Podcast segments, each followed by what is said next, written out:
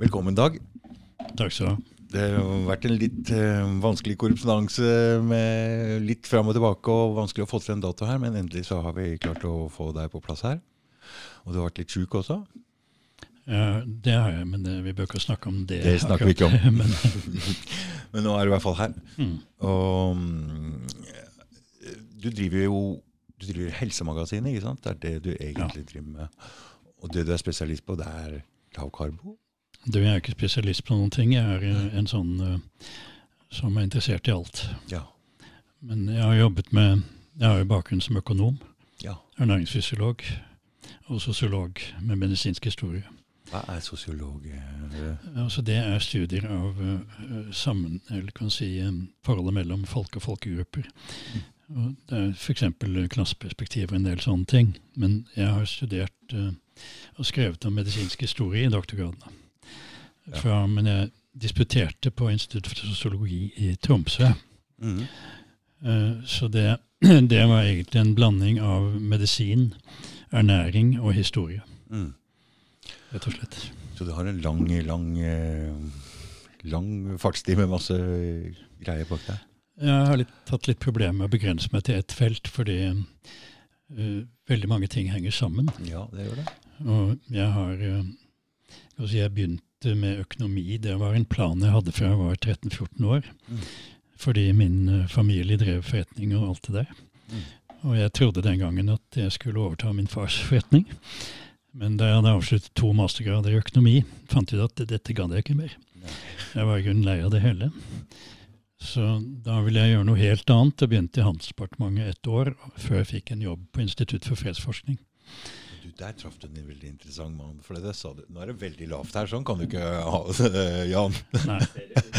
Altså, vi må høre oss sjøl her. Ja. Da traff du en veldig interessant mann, eh, Johan Galtung. Ja, jeg begynte jo å jobbe sammen med ham på et eh, prosjekt som heter uh, Verdens indikatorer. Og det var indikatorer på utvikling. Uh, og etter hvert eh, Jeg spesialiserte meg egentlig på økologi, for jeg hadde jobbet med noe som het Samarbeidsgruppe for natur- og miljøvern, og kampen mot atomkraft den gangen. Så jeg jobbet mye med energipolitikk. Jeg var jo ikke uh, ingeniør eller elektroingeniør eller noe sånt, men jeg, jeg var en ganske uh, godt kjent debattant i kampen mot atomkraft på 70-tallet. Oi, så du likte jo ikke atomkraft? Det er altfor lavt, Jan. Som kan, du må ikke drive og justere sånn. Jeg hører ikke meg sjøl. Ok? La det da bare være nå. Det er ok. Oh, ja.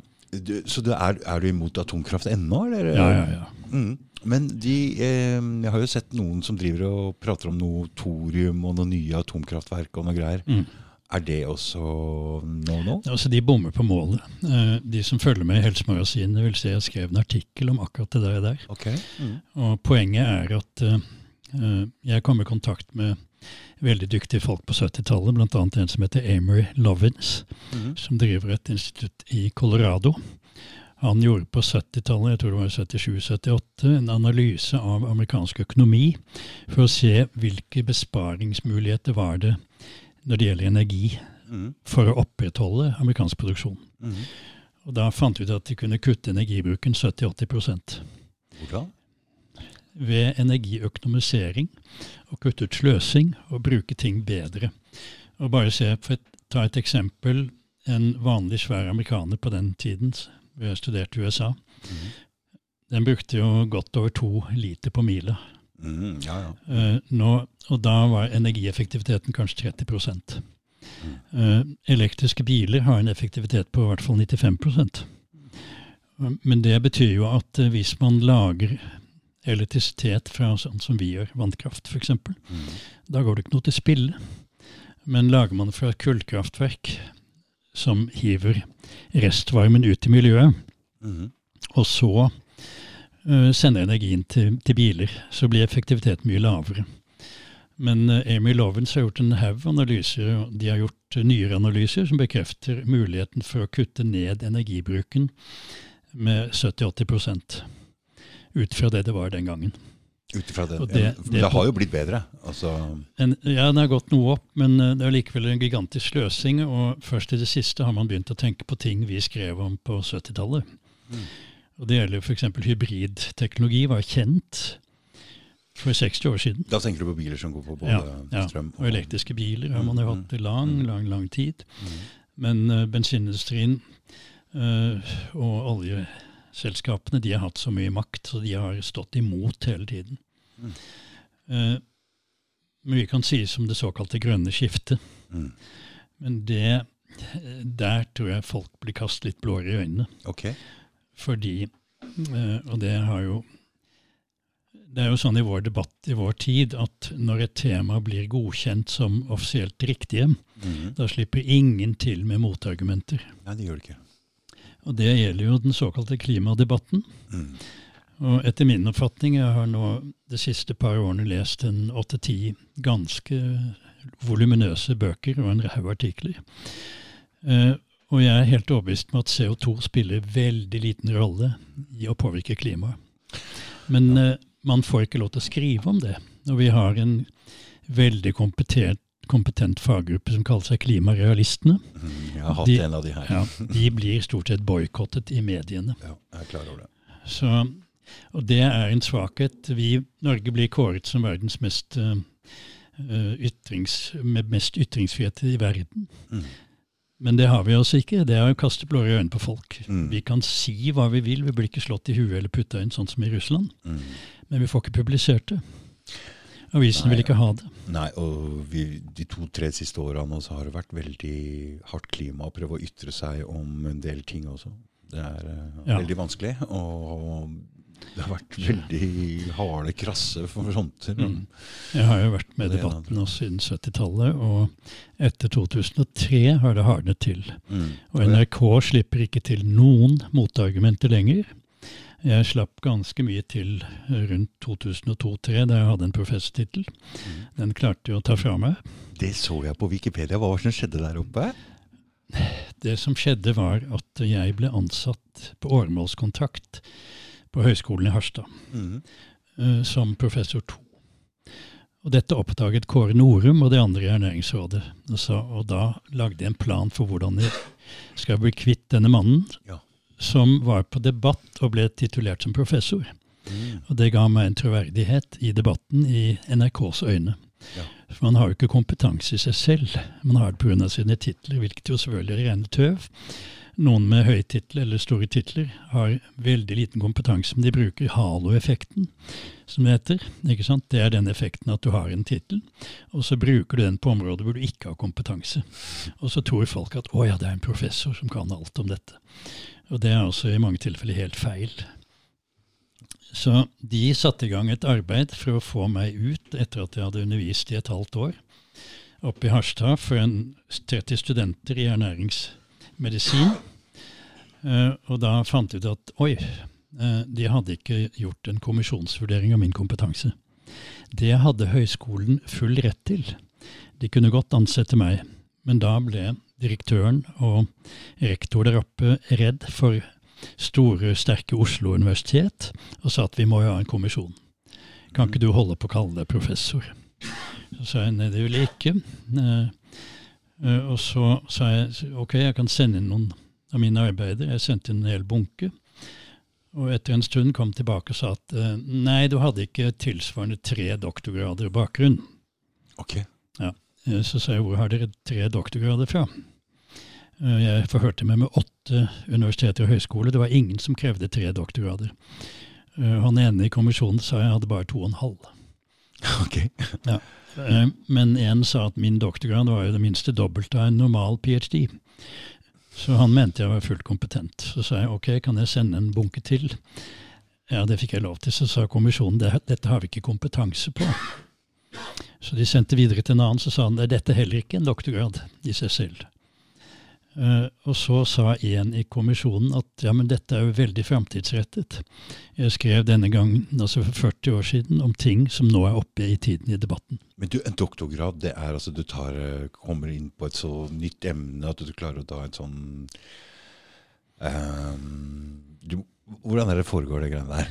Det, det, altså, det, er, det vanlige er en ph.d., som man kaller det, er en amerikanisert form. Ja. Da er man inne i et system og kan klare å ta en sånn ph.d. på en to-tre år. Mm. Jeg tok en doktor filos, Ja. som er en, kan du si, den gammeldagse, hvor du har en kommisjon. Og det behøver ikke å ta noen eksamen eller noe sånt. Men du skal altså bli godkjent av uh, når du leverer inn avhandlingen. En ny avhandling om et nytt på en måte en Ja. banebrytende greie som du må stå og forsvare overfor en, Nettopp, eh, overfor en sånn eh, Så den forsvarte da i Tromsø. Mm. Eh, er flere timer lang sesjon. Mm. Og det interessante Og så må, må du ha tre sånne for å kalle deg professor. tilsvarende tre ph.d.-grader. PhD, ja. Som Ja. er egentlig en svakere greie. Ja, men det er altså helt Det var feil. Ja. Jeg forhørte meg, jeg har jo hatt ganske mange kontakter i akademia siden 80-tallet. Og det, det stemmer ikke. Nei. Men de ville gjerne bli kvitt meg. For de hadde et press fra Universitetet i Oslo, og de ville ikke ha en, en som sa noe annet enn det myndighetene sa om Er det. Helsedirektoratet som styrer det der? Eller? Ja, de utnevner uh, Norsk råd for ernæring, Mm. uh, som har styrt ernæringspolitikken helt siden Carl Evangs tid, før krigen. Da var han helsedirektør. Mm. Og Der tar de ikke inn noen med andre synspunkter enn de offisielle. Så det, det er et sånt eh, Du kan jo si at det, det er litt sånn sovjetpreg over det. Er Norge, siden det er såpass lite land, veldig ensretta? Vi må ha samme meninger, hvis ikke så slipper du ikke gjennom inn i både statskanaler og i professorater og doktorgrader og alt sånn. For det er plass til andre meninger i andre land, ikke litt større land. Eh, Det er litt, varierer litt. Eh, I Russland er det ikke plass til noen okay. andre enn Putins meninger, for å si det sånn. Eh, Så det er verre. I USA er det såpass stort at eh, som du så på den Roe versus Wade, eh, denne abort, Mm, mm, hvor Høyesterett eh, har en politisk rolle. Ja. Det har jo ikke norsk høyesterett, men de kan kjøre politikk. Og har avskaffet da den frie abortloven som har eksistert siden 1972. Så i USA er det også masse politikk å, å dele, men noen stater er det friere enn andre steder. Mm. Sånn at uh, opposisjonen og andre synspunkter har større mulighet til å ytre seg. Mm. Men uh, de som er, ikke er uh, inne i hovedsporet, de blir gjerne sensurert og utestengt og blokkert f.eks. på YouTube, Mm. Facebook, Instagram og rundt omkring. Har det vært sånn lenge, det der YouTube og sånn? Jeg har merka det siste to og hvor et halvt lenge- årene siden covid kom. Men eh, Hvor lenge vært vet jeg ikke, men eh, jeg vil si at i Norge har det strammet seg til etter 2003-2004. mm.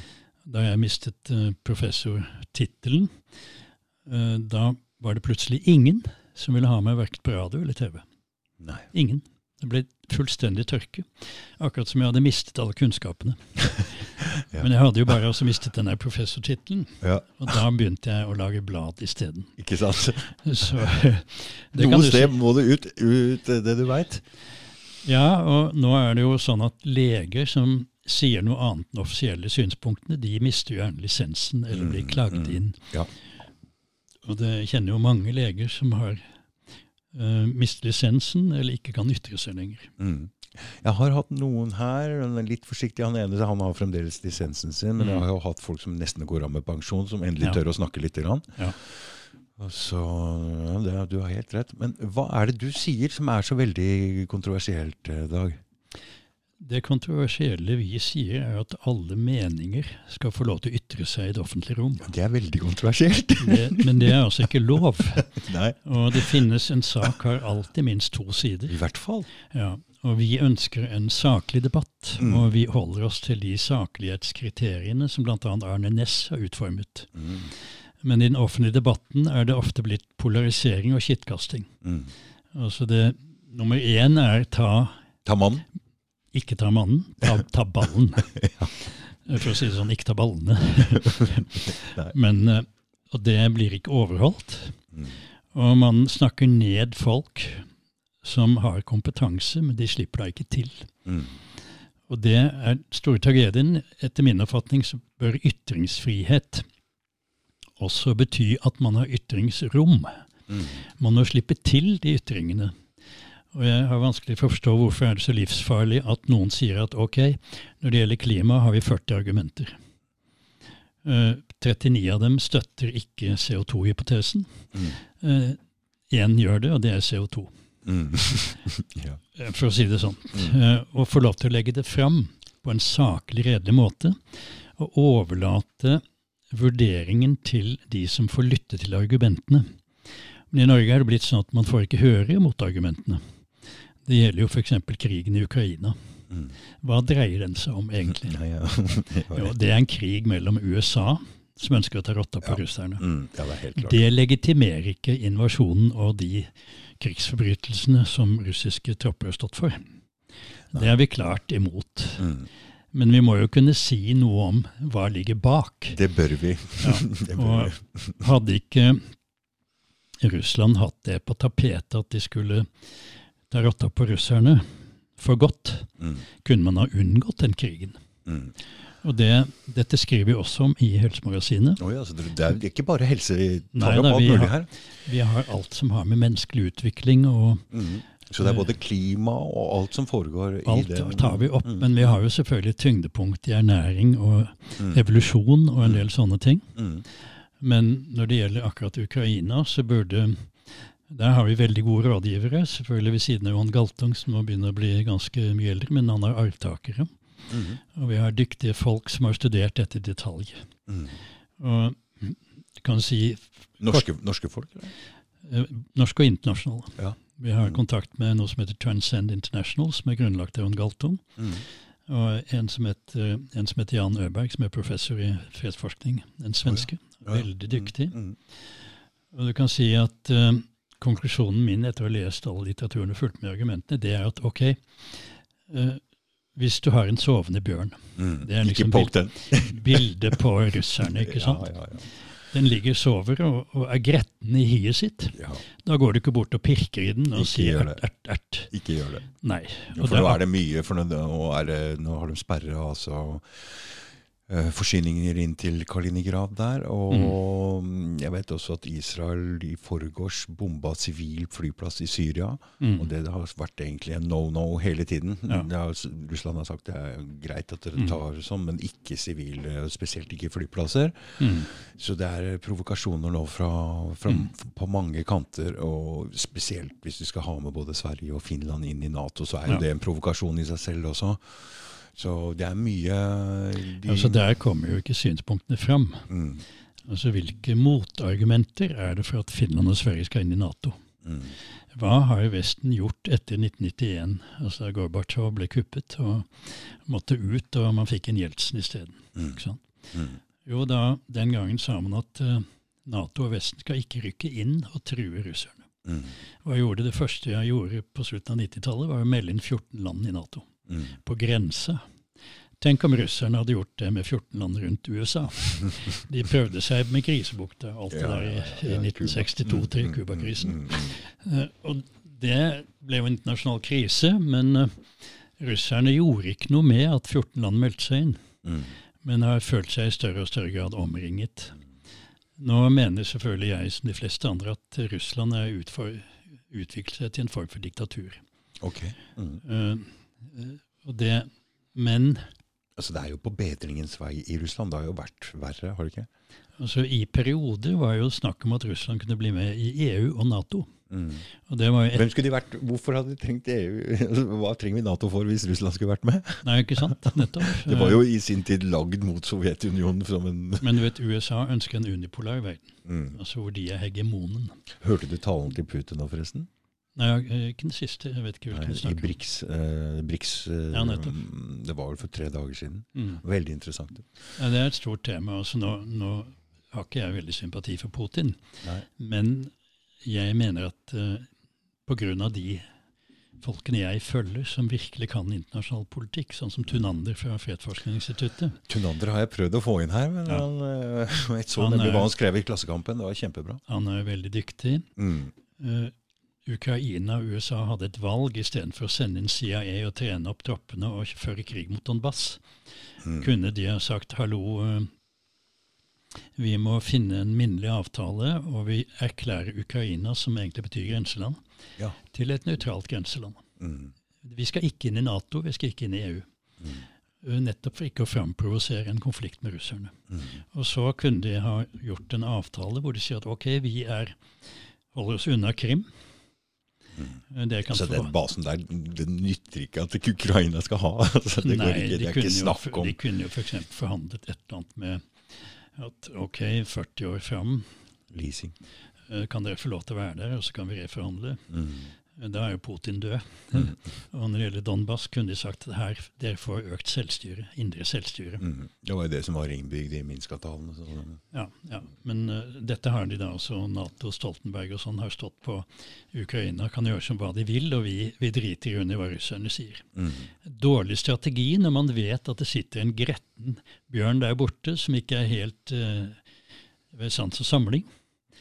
Og han framprovoserte jo dette ved å sende tropper til grensene.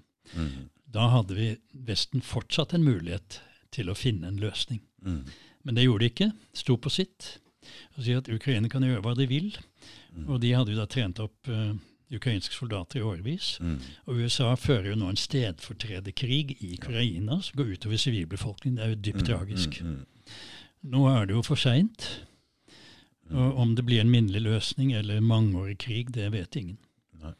Det er jo helt fryktelig. Men Dag, det ser vi, her kommer du egentlig inn og skal prate om helsemagasinet Ja, ja. og ernæring, men altså, du, du har et større interessefelt enn det. Jeg har mange interesser, og Mm. egentlig interessert i alt som er galt. Alt som er galt. Eh, Alt som er riktig, som ikke kommer fram. Ja, Mm. og Mm. eh, jeg hadde en artikkelserie som jeg ble inspirert av Hamlet, selvfølgelig. Ja. Uh, 'Something is rotten in the state of Denmark'. And in Norway også. Ja, ikke sant? Så skrev jeg 'Noe er råttent i staten Norge'. ja, det er det. Og det er ikke småtterier. Nei.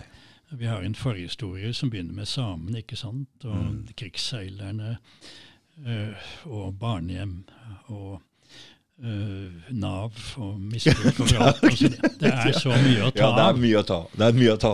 Så eh, vi kan ikke snakke om alt det. Nei, men vi altså- trenger ikke. Vi har snakka om alt det her før òg, skjønner du. Ja, og de, men vårt hovedanliggende er at vi ønsker å gi folk informasjon slik at de kan få bedre helse. Mm. Og gjøre de eh, tingene som myndighetene ikke forteller dem, Mm. er fornuftig. Mm. Og da har vi solid forskning i bånn.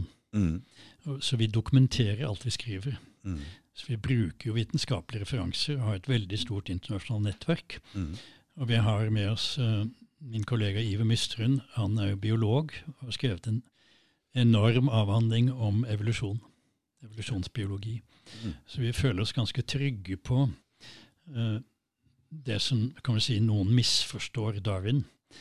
Men hele prinsippet der, det er at vi gjennom evolusjonen har tilpasset oss miljøet og forandret fortidsmiljøet har gjort slik at de som var best tilpasset miljøet, overlevde, fikk flere barn. Mm. Og det har gjort at vi er blitt som vi er blitt. Og vi er blitt utsatt for, kan du si, et helt annet kosthold, en helt annen livsstil enn den som begynte med jordbruksrevolusjonen. Okay. Mm. Og da kom det inn massive mengder karbohydrater. Vi begynte å bo i svære bysamfunn istedenfor små jegersjankesamfunn. Og vi fikk de svære epidemiene. Og vi fikk en drastisk mye dårligere helse, og levealderen sank katastrofalt. Folk ble mye mindre av vekst, og det hadde med overgangen til jordbruk å gjøre. Okay. Og dette er underkommunisert, og myndighetene i sine utredninger har, nevner ikke evolusjon med et ord. Da prater de om at når vi går inn i store bysamfunn og sånne ting, at helsa blir dårligere? Altså, poenget var overgangen fra jegersankertilværelse, Mm. hvor vi hadde levd på kan du si, høyfettkosthold, periodisk faste, til et samfunn hvor vi spiste korn og uh, karbohydratrik måltid, og spiste mange flere måltider. Mange, noen av oss. Mm. Det tok jo lang tid. Mm. Og det er blitt så ille ikke sant, at myndighetene anbefaler fire til seks måltider i døgnet. Mm. Og det er helt ufysiologisk. Det er altså ikke i tråd med slik vi er evolusjonært godt tilpasset. Mm. Dag, da må jeg stoppe deg litt, for nå Ja. var vi innom trening og sånt i stad. Og du sier jeg trener, og det gjør jeg. Du har også trent en del. Ja. Og der er jo jeg av den oppfatningen at her må det spises øh, hvis det skal bli stor og sterk. Eh, og da øh, spiser jo jeg mange ganger om dagen. Mm. Jeg prøver å ikke spise mye karbo, jeg også. Mm. Nå har jeg hatt inn en lege her som også minner Jeg har hatt inn flere som prater om Mm. lavkarbo, og det har gått en Mm. periode hvor jeg har spist veldig lite karbo. Mm. Og så glei jeg litt tilbake igjen. Tenkte det var godt Mm. med en brødskive med makrell i tomat igjen. Mm. Nå er det ikke så mye karbo igjen. Så, Mm. men er det ikke greit å spise fire-fem måltider om dagen selv om man trener hardt og jobber veldig hardt? Så det kommer jo an på hvilket mål du har. Ja. Altså Mitt mål er best mulig helse på lang sikt. Det bør være alles Ja. mål. Da er det ikke formålstjenlig å spise fire-fem ganger. Nei. Og Poenget er at når man har pause fra å spise, Mm. da rydder kroppen opp, bryter ned avfall og skiller ut. Du er jo i den bransjen. Ja, Så det er den bransjen. Ja. Mm. Mm. vi kan ikke tømme systemet hvis vi bare har fire-fem timer imellom. Nei. Vi får ikke ryddet opp. Men hvis vi har en pause på 10-12 timer, kanskje opp til 14-15 og har et spisevindu, da klarer kroppen å kvitte seg med avfallsstoffene og fungere mye bedre Mhm. på lang sikt. Er det hver dag med 10-15 timer med pause fra maten? Det er mange modeller ute Ja. går. Mm. Det er ikke én modell. Nei. Men uh, vi tenker egentlig tilbake på hvordan var det når vi var jegere og sankere alle sammen. Mm. mm, Og da kunne det være sånn at man om morgenen ikke hadde noe mat, så dro man på jakt. Mm. Og så jaktet man hele dagen. Og kom hjem om kvelden Mm. i grålysning, kanskje fem eller noe sånt. Mm. Og så spiste man det viltet man hadde med seg, fått med seg på jakt. Mm. Noen ganger fikk man ikke noe. Og da ventet man til dagen etter. Mm. Sånn at vi kunne godt gå en dag eller tre eller fire uten mat. Mm. Og det er vi med andre ord evolusjonært tilpasset. Og mange tror at vi levde veldig kort da vi var jegere-sankere. Det er helt feil. Ja. De snakker om at å, vi ble bare 30 år gammel. Men undersøkelser viser at de ble en 70-75 år. Det er bare at barndødeligheten var veldig høy. Ikke sant, så snittalderen Så snittalderen Ja. ble ned mot Ja, ja, ja, 30, kanskje ja, ja, 40 år. Men de som overlevde barndommen og ungdomsårene, Mm. de kunne bli veldig gamle. Men det er helt klart at den gangen hadde ikke antibiotika. Det var giftige slanger og edderkopper og løver og alt mulig rart. Mm. Og inuittene som flyttet nord, dette er jo bare noen få tusen år tilbake i tid, Mm. de kunne bli mellom 90 og 100 år. Og der er det ikke mye karbo. Det er vel omtrent null. Ja. Men uh, hvis de traff en isbjørn, så ble, var det veldig livsforkortende, for å si det sånn. Ja. Eller hvis du ramla i vannet med minus 40. Mm.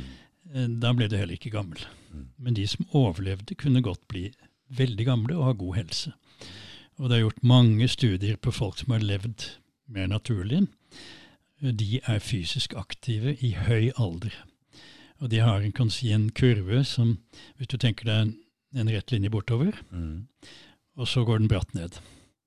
Mens vi har en kurve i vår levealder. Etter Mm. hvert som du kommer over en viss alder, så blir helsetilstanden verre og verre. Mm. Til slutt så humpler og går i kanskje ti år.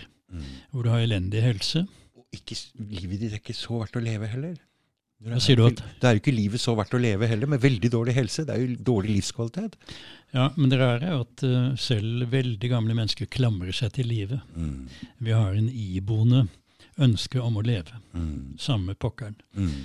Noen kommer til et punkt selvfølgelig sier at livet er ikke verdt å leve. Mm. Og Da har de kanskje en oppfatning at når man dør, skjer det ikke noe mer. Det er ikke evig pine også. Nei. Nei. Si det, sånn, det er kanskje en evig, evig søvn. Ja, altså jeg um, tror jo det er slutt når det er slutt, jeg da. Men jeg har jo innom mange her som prater om både det ene og det andre. Men jeg, Ja, da, det, det er etter min oppfatning enhver må er salig i sin tro. ja, er sin tro. Eh, Bare ikke pådytte alle andre. Så jeg skal ikke pådytte en som tror på et, noe helt annet, at mm. vedkommende tar feil. For det, Vi veit jo ikke. vi kan jo ikke vite det, Det vi, vi som lever her. Vi kan bare ha en oppfatning. Det er helt riktig. Og da, da er vi alle liksom Vi burde være undrende istedenfor å si at sånn er det. Mm. Og dette er en del av ytringsfriheten og det klimaet vi trenger for å diskutere ting. Og det er heldigvis eh, I Norge har det jo gått i retning av en sekularisering. Hva betyr det ordet? Altså Vi er blitt mindre tros. Ja, mm. Det er det. for å si det Mm, sånn. mm, Altså vi Av religiøsitet. mm. Altså, de fleste av oss tror ikke at det sitter en gud der oppe og dømmer levende og døde. Nei. Og at det er en person som er allestedsnærværende med all makt. Men mange har en vag forestilling at ok, det er noe annet. Kanskje blir noe av informasjonen som jeg har vært i mitt liv, eh, fortsetter. Lagra et eller annet sted? Ja, på Det en tror eller jeg. annen måte. Det tror jeg. Kanskje at det svirrer rundt noe der ute. Kanskje Fordi vi er jo i kontakt med hverandre. Det går jo an. Jeg, jeg er helt overbevist om at vi har en slags felles bevissthet, menneskene. Altså. ja, Og så er det en del ting vi ikke kan forklare. Mm. Uh, og det må vi bare innrømme. Vi vet ikke alt. Nei, nei, det er ikke på langt Nei, Vi har ikke kommet dit vi vet bitte, bitte lite grann. Mm. Men det jeg i hvert fall vet, er at jeg har lyst til å leve lenger og se mine barn og barnebarn vokse opp. Ja. Og jeg Ja. tror at de ønsker at jeg skal leve en stund til. ja. Men du, det, så Helsemagasinet det, det omfavner en haug med ting. Og hvor ofte kommer det ut dette? Nå utgir vi sju nummer per år Mm. på 112 sider. Det er ganske Ja. Det er mye. Og vi har startet også for to år siden en nettbutikk, for vi ønsker å skaffe våre lesere gode produkter som kan bidra til bedre helse. Du, det var jeg inne og tittet på. Der var det en vanngreie. fordi jeg, jeg driver bare og drikker destillert vann nå. Ja. Men dere hadde en annen måte å rense dette vannet på med noe Og der husker jeg jeg så en film en gang om det der med at når vannet går og rører seg over, sånn, så, så Mm. renser det seg sjøl og får en helt annen, eh, helt annen Altså vi, vi selger jo bl.a.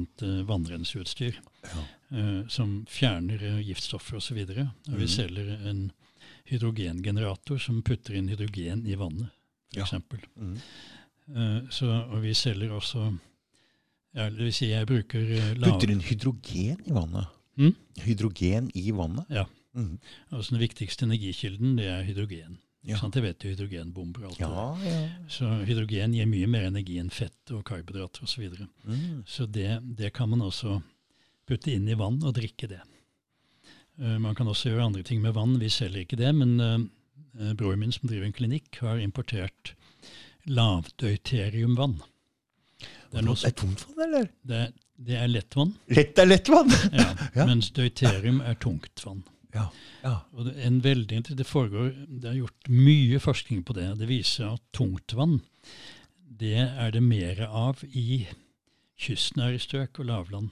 Mens i høyfjell er det mer lavere konsentrasjon av tungtvann, deuterium. Du, Kan jeg bare spørre deg om noe når vi er innom det rare Mm. der? Er tungtvann noe spesielt som bare er for Norge, siden vi kunne Nei, nei, nei, nei. nei. Hvorfor, hvorfor var det så viktig at vi satt med tungtvann her i Norge da?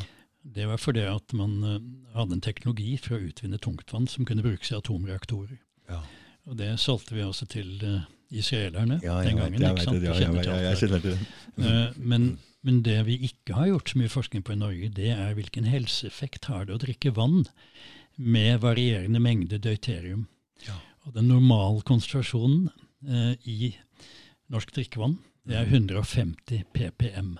Okay. Til sammenligning er det 420 ppm CO2 i atmosfæren. Så du kan se det er sånn litt mindre. Okay. Uh, I høyfjellet er det ikke mer enn 130 ppm. Og jeg har vært interessert i aldring i, helt siden 70-tallet. Mm. Du leste om Kaukasus og Ja. uh, Andesfjellene. De folk som lever i høy Er det vannet, tenkte du? Så har jeg lurt på hva i all verden er det. Og så det siste året, og pokkeren. De drikker jo lettvann, eller mye mindre deuterium i vannet okay. enn vi gjør. Og Mm. det er overveiende sannsynlig at det er en komponent som gjør at de lever lenger. Rett og slett. Ved siden av andre ting, da. Vil det ikke også være en mindre mengde av oksygen i lufta når du bor så høyt? Jo, men det er en, kan du si, en tilpasning. Mm. De får, de det vet du at eh, disse sherpaene som er Mm, guider mm, opp mm, Tibet, de har jo en helt annen kapasitet til å leve i tynn luft. Ja, for det er en tilpasning. For det er derfor vi har Ja. høydehus, f.eks. Og når du kommer ned, så Ja, nettopp, blir det en fordel da får du mer hemoglobin i blodet Mm, osv. mm, Men det med deuterium og altså andelen deuterium i vann, mm. Det er det så vidt jeg skjønner ingen i offisielle Helse-Norge som har sagt et pip om. Mm, det er interessant. Men det er ganske omfattende forskning på det. Mm, Det er interessant. mm. Så foreløpig min bror importert eh, Nå er det fra Ungarn, så vidt jeg skjønner. Mm. Han importerte fra Russland før invasjonen. Mm. Men russerne har ligget langt framme i sånne ting. Mm. En del, masse andre ting òg. Masse ting. Det går på elektromagnetisme og vibrasjonsenergi og Mm. uh, alt mulig sånt noe. Laserteknologi. Altså, vi har hatt en hund an uh, Ja da. så, mm, Så de, de har vært mye sterkere på alt det Vesten ikke har vært så sterke på. mm. Vi har satset på farmasøytisk industri og medikamentindustrien, som er utrolig stor makt og tjener bøtter av penger, Mm, mm, og har et modus operandi som minner om mafiaen. mm. Jeg er helt enig. Og Det er det mange forfattere, bl.a. en som kom på en konferanse i, høst, som oh, ja. heter Gutse, som jeg har skrevet en del om. Han har skrevet flere bøker om uh, farmasøytisk industri. Han har jo jobbet der og er professor og har en medisinsk doktorgrad. Du, Dag, jeg hører at du slipper ikke unna her før du gir meg eh, flere ledetråder til flere interessante gjester. For jeg hører du har masse kontakt med masse interessante folk her. Ja, Så det, jeg kommer til å låse døra før du gir meg noen navn her. Det er veldig mange alternative stemmer der ute som Ikke ikke slipper til i de vanlige, Mm, de mm, vanlige mm. mediene. Det som er litt morsomt nå, at jeg driver omtrent bare med å slippe til alternative stemmer. Ja.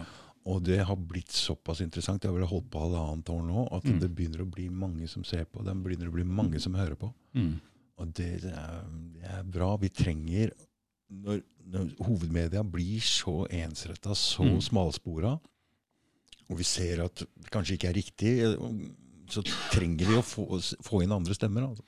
Ja, og det, jeg syns hovedtilnærmingen vil være altså Poenget er ikke rett og galt, men vi skal slippe til Mm. flere røster i debatten. Mm. Sånn at alle synspunktene Ja, for vi må stole på folk, at folk klarer å vurdere dette selv. Vi kan Ja. ikke, Myndighetene skal ikke styre dette her for oss. Jeg, jeg skrevet en analogi i, i bladet vårt, og det er eh, katolske kirken. Mm. Nå er ikke jeg religiøs, Mm. og jeg tror at det de holder på med, det, det er ikke alltid mye hold i det, for å si det sånn. da. Mm. Men når de skal kanonisere en ny helgen, Ja. altså finne en person som skal erklære helgen, Mm. da har de tidligere de har endret praksis. Hatt gudsadvokat som skal argumentere for hvorfor skal vedkommende bli en helgen. Okay. Hvilke undre har vedkommende stått for, og kan det dokumenteres? Og så har de djevelens advokat, Ja. som skal si det motsatte. Hvilke argumenter foreligger for at vedkommende ikke skal bli en helgen? Mm. Ikke sant? Og det burde vært institusjonalisert i den norske debatten. Mm. Begge sider bør slippe til. Mm. Og det burde jo vært et hovedprinsipp. Mm. Men i vår tid slipper altså ingen. På veldig mange områder slipper ikke til. Nei. Det Så dette skjedde, du mener at dette skjedde en stor forandring i 2003 ca.? ja, gradvis. Gradvis. Mm. Det er gradvis blitt Mm. verre siden Ja, For nå er det helt ekstremt. Etter min oppfatning, ja. Mm. Det skal veldig mye til før man slipper til med noen andre meninger. Mm. Eh, Jeg har sammen med flere medforfattere skrevet om covid-19 og alternative strategier, og hvorvidt det er lurt å vaksinere seg, og hva man selv kan gjøre. Mm. Myndighetene har ikke sagt noen ting om det. Nei. De sier bare alle skal vaksinere seg og ha gjerne den fjerde dosen, og vi skal gi det til barn. Mm. Når det gjelder bivirkninger, sier de helst uh, ingenting. Når det gjelder hva kan man gjøre for å stimulere det naturlige immunitet, Mm. f.eks. høye doser vitamin C. Mm. Da sier de ingenting, og det gikk så langt som at uh, en lege som du kjenner opp til Molde, som for et par år siden lanserte en strategi mot uh, blodforgiftning. Han reddet mange liv, bl.a. ved å gi store doser vitamin C. Han ble altså da nektet å gi dette til pasientene, tross for at færre hadde dødd. Du, hvilken måte blir det vitamin C Hvordan får du det? Er det piller, eller er det brustabletter? Eller hva, hva slags vitamin C prater vi om her? Det finnes i mange mange forskjellige varianter. Mm. Askorbinsyre, er det f.eks. ok? Askorbinsyre er helt greit. Eh, Hvis man vil ha det i syrenøytralt, kan man bruke natriumaskorbat. Mm. Og det finnes uh, noe som heter liposomal vitamin C. Mm. og det vil si at C-vitamin er kapslet inn i en bitte liten fettkule. Ja. og Den opptas via lymfesystemet og gir derfor ikke diaré. Og Da kan man få i seg veldig store doser. Mm. Og For å bekjempe virus er det nødvendig å gå til verks med veldig store doser med en gang, før virus får spredd seg over hele systemet. For dette er noe vi har lært fra vi er små. Hvis du blir forkjøla, spis masse C-vitamin. Ja, Og så sier noen spis mange appelsiner. Ja. Det er altså helt talentløst, fordi en appelsin maksimalt inneholder 60 milligram.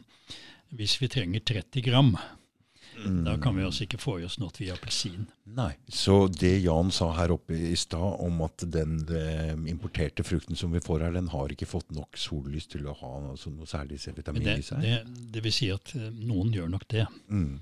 Altså De har 60-70 milligram, Mm. men andre som man sier har kanskje lite. Mm. Eh, Så, men hvis man skal bruke terapeutisk, og særlig intravenøst Du kan ikke sette C-vitamin fra appelsin intravenøst. Det tror jeg går veldig dårlig. Nei, jeg synes det går dårlig. Så da må man ha det ren i kjemisk form. Ja. For eksempel. Mm. Får man kjøpt sånn på apoteket lenger? Det er jo Nei. veldig sånn vitaminnekt eller liksom hane Apotekene har vel sluttet. Jeg pleide å kjøpe kilosbokser natriumaskabat på apotek. mm. Nå importerer vi det selv, Ja. også i liposomal form. Og vi har også pulver. Og det koster kanskje, ikke vet jeg, men la oss si 10-15 kroner kiloen. Åh, Det er billig. Så hvor, solgte apotekene for 1500-1800 kroner kiloen. apotekene er helt rå. De, de Ja, men nå selger de ikke lenger. Så, men vi, vi har selvfølgelig mye lavere priser. Mm. Og det, vi importerer en som, fra en som har uh, Hva heter nettbutikken din? Heter Helsemagasinet, kanskje? vi, vi har eh, Nettet vårt heter vof.no. Mm. Kan søke på Helsemagasinet eller voff.no.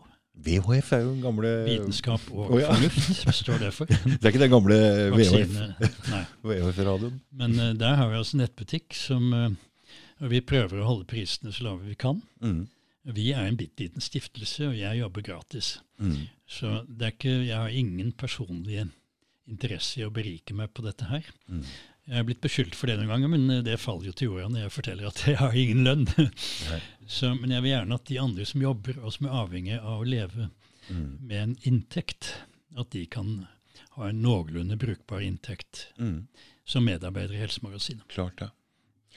Er det, det er nettavis òg, men jeg så også at du hadde selve um, Vi har både bladabonnementet og nett. De som abonnerer på bladet, får også nettilgang. mm. Men du kan også bli abonnent bare på nett. Mm. Mm. Og når det gjelder artikler, vi har flere tusen som ligger inne. Når man først har blitt abonnent, Da kan du gå tilbake og lese ja, alt. da kan du søke på stikkord Ja. ikke sant? og Mm. finne blant tusenvis av artikler. Mm. Vi har skrevet om veldig mange interessante Mm. temaer. For når vi har prata innom her i stad om forskjellige typer kosthold og Mm. Måter å faste på, måter å spise på, så ligger alt det oppe der på sida di, eller på Alt nettavisen. ligger ikke sant? og- Vi starter nå også noe vi kaller Helseklubben VOFF. Eh, Det vil si det blir en åpen nettside hvor folk kan stille spørsmål og ha en diskusjon. Mm. Eh, Vi starter nå et prøveprosjekt med det Mm. som vi skal ha i sommer. og der, der vi, vi hadde i lenge sånn spørrespalte, men da fikk vi bare plass til kanskje fem-seks stykker. Mm. Eh, Så fant jeg at ok, det er sikkert bedre å gjøre dette allment tilgjengelig. Mm. Vi håper jo selvfølgelig å skal få mange. Og der har vi et stort panel med mange leger og andre som har fagkompetanse, sånn at vi kan gi svar som alle kan følge med på. Mm. Og vi har også bl.a. der en treningsgruppe. Jeg er jo som gammel eh, eh, treningsentusiast. Jeg har jo trent siden jeg var 12-13 år. Ja, for du sa litt hvor mye du hadde tatt i benken her. Jeg ble ganske imponert. Ja, altså, Jeg ser jo, Du har de samme sånne blodårer. Du har enda mer blodårer enn meg. nei, nei, altså du, du er jo mye, mye mer muskuløs enn meg. Men nå har jeg mistet en 8-9 kilo da, Ja, ja. Mm. etter de sykdommene jeg har vært igjennom. Mm. Men eh, jeg har vel, til å være helt amatør, Mm. eh, løftet ganske tungt. Mm. Men Jeg hørte det, det er mye mer enn det jeg har klart. altså. ja, det er vanskelig å tro når jeg ser på de, Ja, men, det, hvor svær du er. ja. Men uh, men turnere er vel Du sa det hadde vært turnere. altså Turnere er noe av det sterkeste som eh, er. altså Det her er ja, jeg var jo bare amatør. mm. men jeg Men hadde- allikevel. Moro med det. Jeg presset meg opp eh, håndstående ringer og litt sånn. Mm. Uh, for å kunne sitte på gulvet med og presse meg opp uh, med strake bein gjennom hendene opp i håndstående. Mm. Da veide jeg også den gangen 65 kilo. Mm. Nå er jeg 69,5. Ja, det er nesten samme. Ja, jeg har ligget uh, de siste 10-12 årene på rundt 80. Mm. Uh, så jeg har mistet ganske mye muskelmasse av både covid-19 og den kreftbehandlingen jeg har vært gjennom. Mm.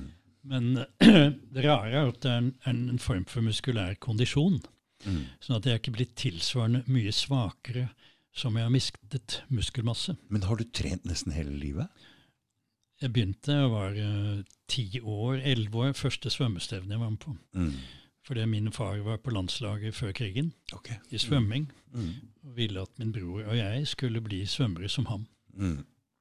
Det ble vi oss ikke, vi bare ble sånne vanlige amatører. For han var ingen pedagog, dessverre, min far. så det har jeg kanskje lært noe Eh, Men så jeg var interessert i turn, og jeg hadde en morfar som døde altfor tidlig av hjerteinfarkt. Jeg hører at du har litt dialekt. Hvor kommer du fra egentlig? i Jeg- er egentlig født i Kristiansand, Ja, ja. så jeg kan, jeg kan snakke dialekt. Okay. Mm. Men uh, den la jeg av med. ja. Mm. Da jeg ble sånn åtte-ni-ti år. Jeg okay. vet ikke akkurat når. Nei. Men jeg beholdt R. Beholdt æren, ja. Så når jeg snakker med noen sørlendinger, så kan jeg slå om. Og så er det med det. Og det var greit. så, men nå er de aller fleste Min mor er død, og mine tanter og onkler og alt det der. Mm. Uh, Så jeg har en kusine som er, og hennes datter som er Vi kan slå litt grann om. Men sånn er det. Sånn er det, ja. Ja. ja. Men hovedpoenget er ikke altså, Jeg er ikke veldig opptatt eh, av hva jeg kan gjøre ikke, men jeg er mer opptatt av kan, hvilke råd kan vi gi folk som gjør at de kan velge en litt bedre livsstil, Mm. til tross for alt det de utsettes for Mm. eh, strukturelt, som gjør det veldig vanskelig. Mm. Man kan ikke klandre offeret. Og si at 'oi, du er tjukk, du har gjort noe galt'. Mm. Men det er hele strukturen i samfunnet som er innrettet slik at det er veldig vanskelig å leve optimalt. Mm. Slik vi burde gjort ifølge vår evolusjonære arv, Mm. dersom vi skulle ha best mulig helse. Og nå har vi en lang serie, jeg har skrevet en del artikler om det. Sist neste nummer kommer det om reiseliv. Mm, det var vi oppe om i stad. For Ja. det, det er sant. Når vi går inn der, og så kommer vi bare til taxfree-en, og den neste butikken er en svær Og de godteriposene du får der, det er sånne å, kilospakker, sånn ekstrapakker med Og det er billig.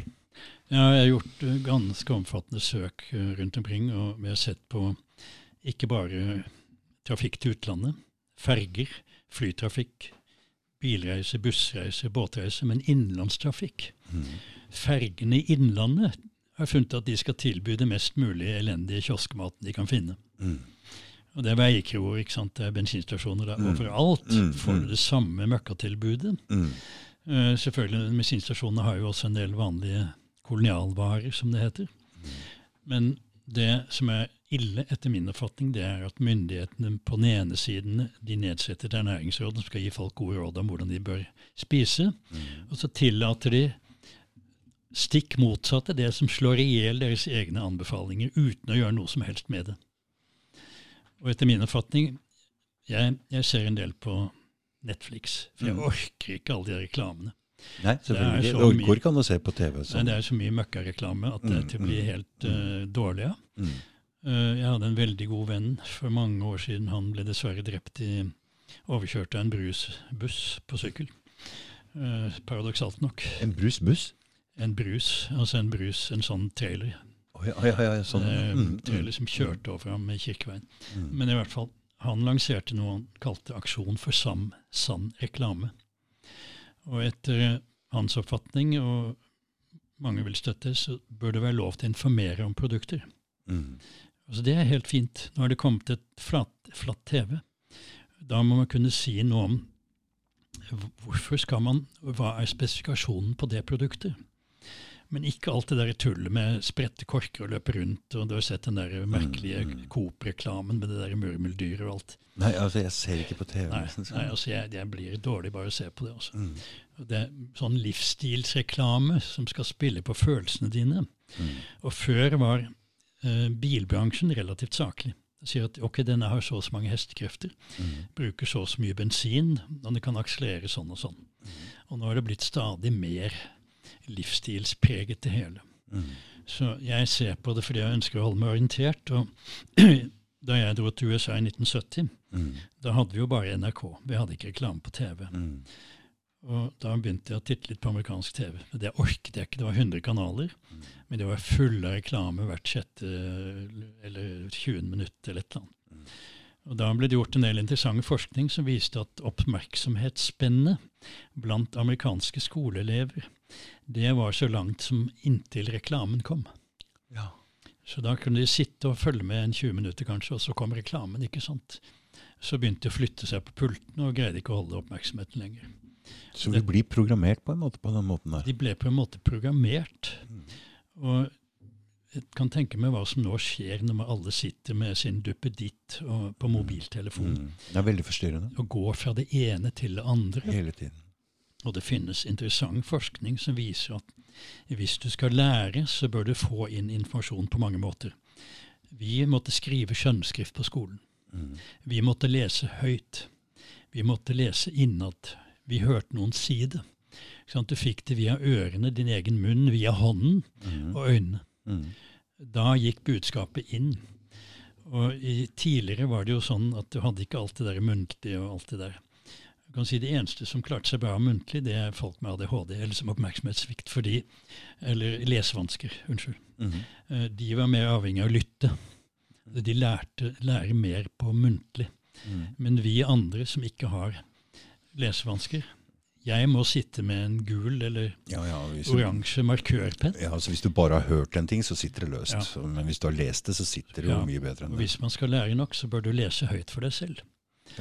Lese høyt mens du understreker, Mm. og får det gjennom ørene og ut av din egen munn Mm. og inn i synet. Mm. Så det har jeg gjort gjennom studiene. Og jeg er ikke sånn spesielt uh, god hukommelse. Men, så jeg har måttet bruke en sånn teknikk når jeg har tatt eksamener. Mm. Og det har, da har jeg kunnet lese i tre dager og få bli blant de beste oh, ja. Mm. eh, på hver eksamen. Så det, det har noe med leseteknikk og studieteknikk å gjøre. Mm. Og sier at du glemmer en del. Mm. Altså, du sitter jo ikke så lenge, eller sitter du lenge etterpå? Etter Noen ting sitter. Noen ting sitter, ikke Noen sant? ting sitter. Mm. Jeg skulle pugge biokjemi, eh, aminosyre, eller og uh, frie radikaler og sånt noe. Mm. Linus Pauling. Uh, de mest uh, reaktive elementene, det blir en rekke som heter Funkelbridge. Okay. Fluor, oksygen, nitrogen, klor, jod osv. Ikke sant? Mm. og hydrogen etter hvert. Men Frankenbridge. Uh, og vill med fett, det er forkortelse for essensiell aminosyre. Så noen sånne huskeregler kan man lære seg, rett og slett. Mm, mm, mm. Men jeg har ikke noe spesielt god hukommelse. Mm. Så min hukommelse fungerer på den måten at assosierer ting. Jeg begynner å tenke på alt mulig annet, og så forhåpentligvis så kommer det.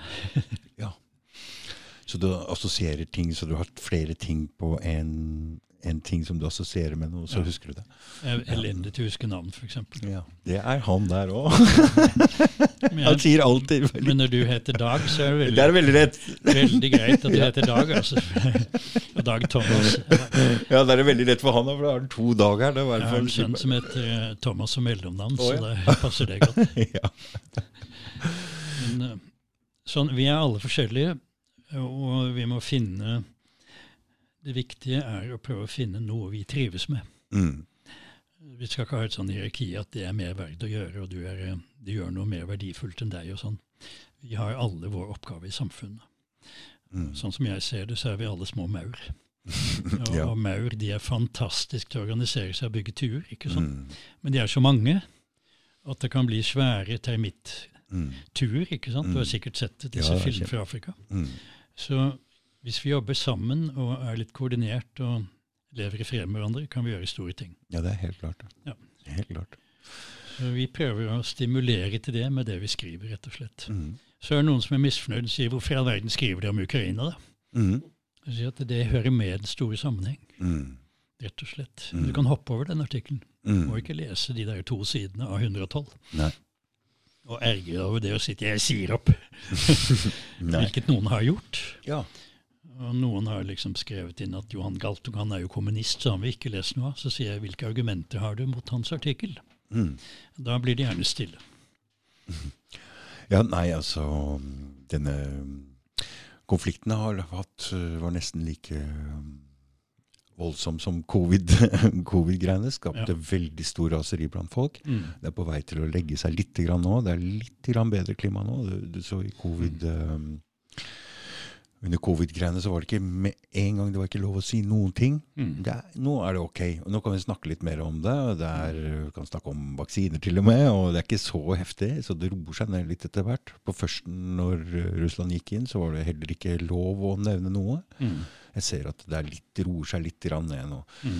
Så det er alltid litt sånn på førsten. Så det er noen som må gå foran og tørre å si noen ting. Og Mm. det er klart at vi må prøve å forstå hvorfor ting skjer. Hvis ikke så er det veldig farlig. Ja. Og det hele det grunnprinsippet at vi må ha en åpenhet i debatten, Mm. og vi må følge saklighetsnormer. Mm.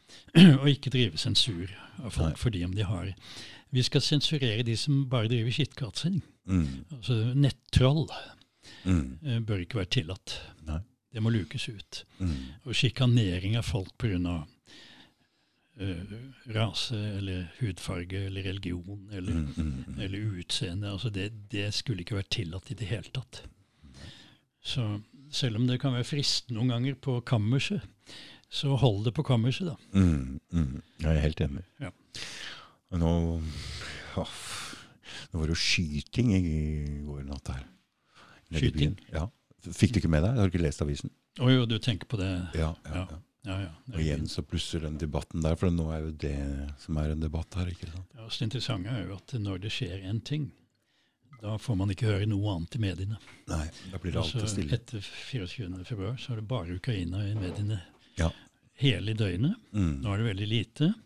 Og nå er det skypeepisoder eller et eller annet som da tar hele altså Nyhetsbildet i Norge er blitt sånn Mm. at du får nyhetene om morgenen, og så får du gjentatt det ti ganger i løpet av dagen. Mm. Så Du blir ganske lei av å se på nyhetene også. Jeg ser ikke på det, Jeg ser ikke på det, men jeg, jeg følger med litt på Facebook, og så så jeg jo, jo, jo, det har vært en skytinggreiene der nå. Mm. Ja. og Så titta jeg litt fram på det, men det er ikke så veldig Men uh, det er dårlige analyser av hvorfor blir folk på den måten. mm. Og Det vet vi jo f.eks. etter en del av skyteepisodene i USA. Mm. At det er sannsynlig sammenheng med medikamenter, f.eks. serotonin-reopptakshemmere. Mm. Og det kan være kjemikalier som forstyrrer atferden. Mm. Og det sies det altfor lite om, Mm. eller ingenting. Nei. Og jeg har hatt kontakt med en psykolog i USA. Han, begynte, han er på min alder. Han begynte som 20-åring som tilsynsverge i USA. Veldig gløgg fyr. Han er en, var den yngste noen gang. Så han fulgte den debatten og ble veldig opptatt av næringsstoffer. Mm. Han fortalte meg en sak i Tahoma, Tacoma borte i Washington. Der var det et svært eh, kobbersmelteverk. Og der blåste vinden mot en barnehage. Og der kom det altså kobber ned, som disse barna fikk i seg. Mm. Og en gang jeg var i den barnehagen, da kom han over en gutt på seks år som holdt på å kvele en uh, jentunge. Eller en, en annen, et annet barn. Fikk han forhindret, så fikk han dette gutten inn på et program for avgifting. Og eh, ga ham store tilskudd, vitaminer, mineraler osv. Og, Mm. og den gutten kom på universitet og ble et ordentlig menneske. Han hadde altså vært utsatt for kjemisk forurensning som gjorde at han ble helt forstyrret oppi hjernen. Mm. Og det Så noen, noen av disse metallene vi får i oss, de ødelegger totalt? Hjernefunksjonen, ja. Ja. Og det gjelder bly, f.eks. Så heldigvis ble Det var jo bly i bensinen ja tidligere. Bly i blybensin. Og det er jo heldigvis faset ut. mm. Og vi har blitt kvitt mange problemer. Mm. Atferdsproblemer pga. Ja. det. Hvordan er det man avgifter seg i dag? det. Det ene er eh, faste, selvfølgelig.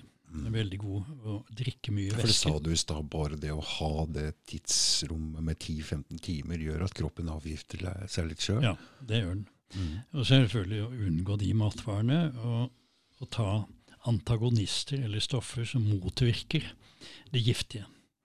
For kadmium f.eks. og bly de har antagonister som er magnesium og kalium Okay. og kalsium osv. Så, Mm. så det kan være å innta andre stoffer, og så er det forskjellig. Dette er et veldig stort tema. Mm. Men det finnes også folk som har spesialisert seg på avgiftningsprosesser. Mm. Både ved å gi næringsstoffer og gi intravenøse løsninger med kelatorer. Mm. En, kelator, en kelator er noe som binder metaller. Binder opp metaller, ja. Sånn at du får ta, fått ut av systemet. Du får fjernet det, men du Mm. fjerner også en del med samme valens. Bly og kalsium har samme valens. Så da tar man, gir man tilskudd av de mineralene man bør ha. Mm. Så det bør kyndige folk gjøre. Ja. Det, men i Norge er jo sånt forbudt. Altså En lege kan ikke stå fram og si 'jeg driver med det', da vil miste lisensen. Riktig. Men kan man, hvordan sjekker man at man har forgiftning eller masse sånne metaller i kroppen? Det er flere metoder. Eh, min bror eh, bruker en metode. Han driver en klinikk i Moss. Mm. Uh, hvor man bruker eh, altså en laserstråle som går som på flere punkter på hendene, uh, som kan identifisere forskjellige metaller og mineraler i Mm. blodbanen og i vev. Mm. Så dette er reelt, dette her med Ja, forgiftning og sånn? og man kan bruke håranalyse. Riktig, men ikke, ikke, ikke for meg. Nei, du kan bruke kjønnshår. Ja, der. Der har du kanskje noe å ta. ja, det, er, det, det som har blitt borte på hodet da, kommer over Ja, det det, det jeg oppdaget jeg også. Altså, jeg får mindre og mindre på toppen og mer og mer på kroppen. Ja, ja, ja. Men eh, det, det er et stort område, det med avgifting. Mm. Uh, altså fjerne ting som er skadelige, tilføre de som er nyttige, Mm. og hjelpe kroppens evne til å rense selv. Hvor er det man får i det seg disse metallene og disse, tunge, disse giftene? greiene? Hvor er det kommer fra? Vannet? fra kommer det fra luft og vann og mat. Luft og mat. og- Mm. Overalt. Vi lever i et kjemisk miljø. Ja. Og man har gjort analyser av morsmelk og finner en eh, 60-80-100 kjemikalier. Mm. Og det er jo egentlig en skandale. Hvorfor i all verden skal det være tillatt med 40 tilsetningsstoffer i kosmetikk, f.eks.? Du, det der har jeg tenkt på flere ganger, fordi jeg fikk testosteron fra legen, og da fikk jeg det i gelatinform. Altså Jeg skulle altså smøre det på her, på, på, på, på overdelen av armen, eller jeg husker ikke helt. Mm. Og så går det rett inn i blodet, gitt. Og så tenker jeg på alle disse damene som smører seg med kremer og sånn. Ja, ja, ja. Og jeg tenker, og dere må tenke, fordi de elsker å smøre seg inn. Mm. Over hele kroppen, men de går jo rett inn. ja da. Det finnes jo noe som heter naturkosmetikk. Ja. Uh, og så har vi fått en sånn overfokus på dusjing og vasking. Mm. I gamle dager snudde man serken til jul, for å si det sånn. ja. Men uh, dusjing 20 minutter hver dag, det er helt Det er for det første skadelig. Mm. Det er bra å høre, for jeg, de- vet jeg har funnet deodorant. Den holder, er- det holder for meg to ganger i uka. Holder. Ja. Litt flaut å si det, men ok. Greit. Nei, altså, det er ikke noe galt i det. Vi har en naturlig bakterieflora som skal beskytte oss. Mm. Når man vasker, særlig med en gal pH Ja. Så finnes uh, pH som vi skal helst skal ha en uh, litt sur. Ja. Surt vaskemiddel. ikke sant? Huden i pH-en skal være Men litt de, disse vaskemidlene, de, de er, hva er en såpe på, for eksempel? De er basiske alle sammen? er- Ja, men det finnes uh, produsenter som lager syre, mer sure. Ja. Hvorfor, hvorfor skal vi ha sur uh, Det er for å ja. floraen, rett og slett, som Mm. trives i huden. Men nesten alle vaskemidler er basiske, ikke sant? Ja, men det fins en produsent, uh, nå husker jeg ikke farten hva han heter, men som lager det på Vestlandet. Okay. Uh, lakt, Laktasyd osv. Mm, mm. Det finnes en del sånne på apotek også. Ja, ja, ja. Med riktig pH. Mm, Og nøytrale ting. mm, Og det finnes jo vaskemidler uten eh, masse kjemikalier oppi. mm. Eh, men som du sier, det er ikke nødvendig å drive og skrubbe og vaske seg hver, hver dag. Nei, du kjenner jo det når du begynner å lukte. Da er det ok Man kan liksom vaske seg strategiske steder. Ja, det går også an. Vi hadde bidé hjemme da jeg Mm. vokste opp. Mm, og mm, Da fikk jeg høre at det var lurt å holde seg ren nedentil. mm. Eh, så det er ingen dum idé. Nei, bidé er smart. Bidé er smart. Det Eh, dopapirgreiene er ikke det beste løsningen.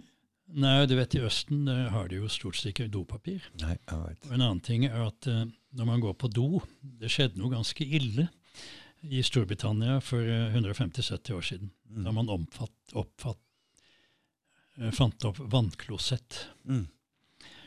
Og det førte da til at folk fikk en rekke problemer med fordøyelsesapparatet sitt. Hvorfor?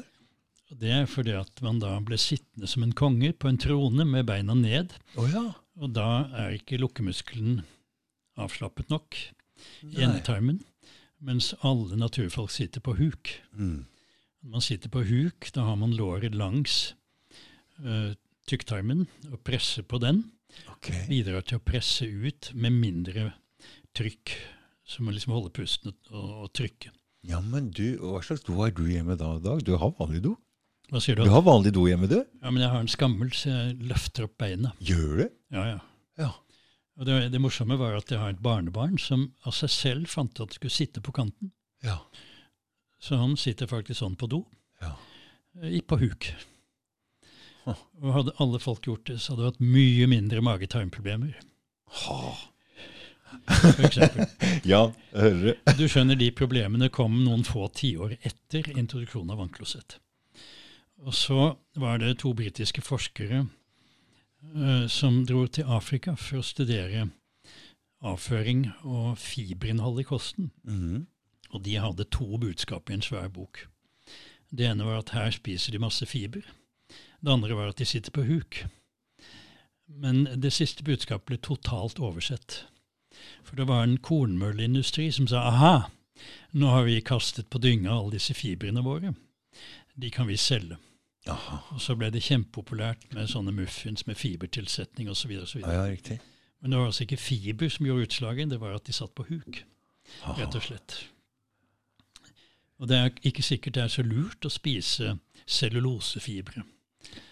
Som er i korn. Men du, du den nå fikk jeg ikke helt med En skammel som du eh, Hvordan gjør du dette her? Nå, nå, nå må jeg begynne å tenke litt. Hvor, altså, det er kjempesmart å sitte på huk når man Ja, ja, du kan litt. sitte på løftet av ringen, og så sitte på selve do Mm, på huk. mm, Så vi skulle ikke hatt de der høye vannklosettene. De burde vært veldig lave, mm, sånn at vi måtte sitte på huk, rett og slett. mm. Og det er jo sånn de har i Frankrike. Da er det sånn, Men hvorfor det? For da får du pressa ut mer av avføringa, Da åpner lukkemuskelen seg, og så får man hjelp til å presse ut avføringen Ja. med sittestillingen. Ja. Og tarmen får en naturlig holdning. ja. Så den er jo sånn, og dette har vært uh, skrevet i en bok som heter 'Skjermen med tarmen'. Sjarmen med tarmen, Ja. ja. Mm. og der står det ikke når du, står, når du står rett opp og ned, da er den muskelen lukket. ja, det er den selvfølgelig. Det Men når du være. setter deg på huk, så åpner den opp.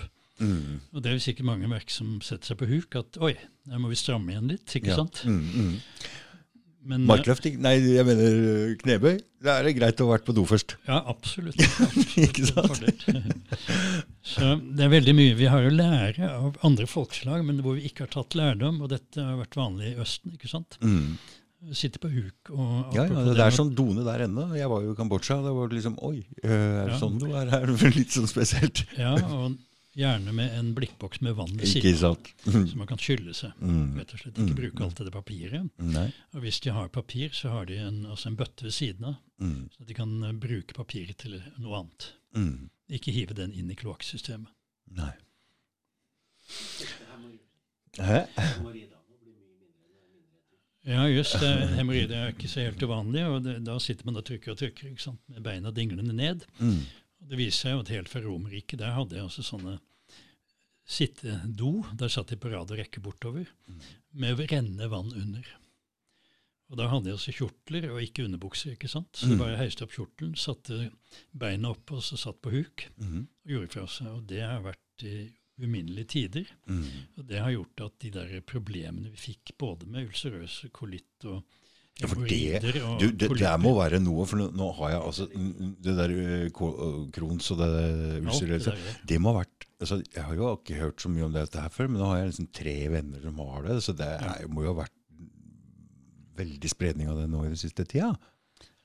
Det vet jeg ikke, men eh, det som virker sannsynlig, er at naturfolk de har unngått en rekke av de sykdommene vi har i vår Mm, mm, kultur. mm, mm, Ikke bare hjerte-karsykdom og kreft, eh, men mage-tarm-problematikk. Uh, astma, allergier og mye rart. Og vi har jo mye forskning som viser at f.eks. folk som vokser opp på landet og i nær kontakt med dyr, Mm. de har mindre allergier, f.eks. Mm. Det gjelder jo antroposofer, som har, eh, er mer kontakt med, med natur og dyr og sånne ting. De har mindre forekomst av allergier som folk som er overrenslige, f.eks. Mm. Vasker og gnir seg. Og naturfolk har jo f.eks. at spedbarn spiser jord. Ja. Helt ok. Og når små barn sitter og spiser jord og spytter ut igjen, så styrker de, stimulerer de immunresponsen. Mm. Eh, Så jeg husker jeg var litt lurt på hva som skjedde, men mine barn de, de grov, grov opp tyggegummi fra Du, vet du hva? Jeg husker at jeg drev med det sjøl, altså. Ja, ja. Jeg, jeg tok de som var minst mulig stein i, og så gikk jeg inn her, og så tok, Ja. jeg, tok jeg en sukkerbit, og så putta jeg den inni. Mm. Men jeg lurte på hvor gammel kan jeg ha vært da? Ja, kan ikke ha vært gammel, men altså, hvis det var varmt på asfalten Mm. så, Jeg tror jeg hadde området mitt rett utafor her. Jeg er jo født og oppvokst her. Jeg kan si at En av ulempene er at uh, man får gjerne i seg litt sånn parasitter og litt sånn små ormer og sånn. Ja, ja, ja. Så veldig mange foreldre med små barn vet jo at de kan få et sånn tarm, Mm. eh, tarmorm. ja, Så- ja, ja. Og det, da klør det i bakken. Og så når de sover, går man inn og lyser inn i baken på dem og ser at det er en sånn bit små ormer. Mm. Og da bruker man noe som heter Vermox. ja, Som er en sånn Mm. antiparasittmiddel. Interessante er at de har funnet ut at Vermox virker på parasitter fordi de vokser så fort. Mm. Det vil si at det går inn tre, deler, tre steder i celledelingen.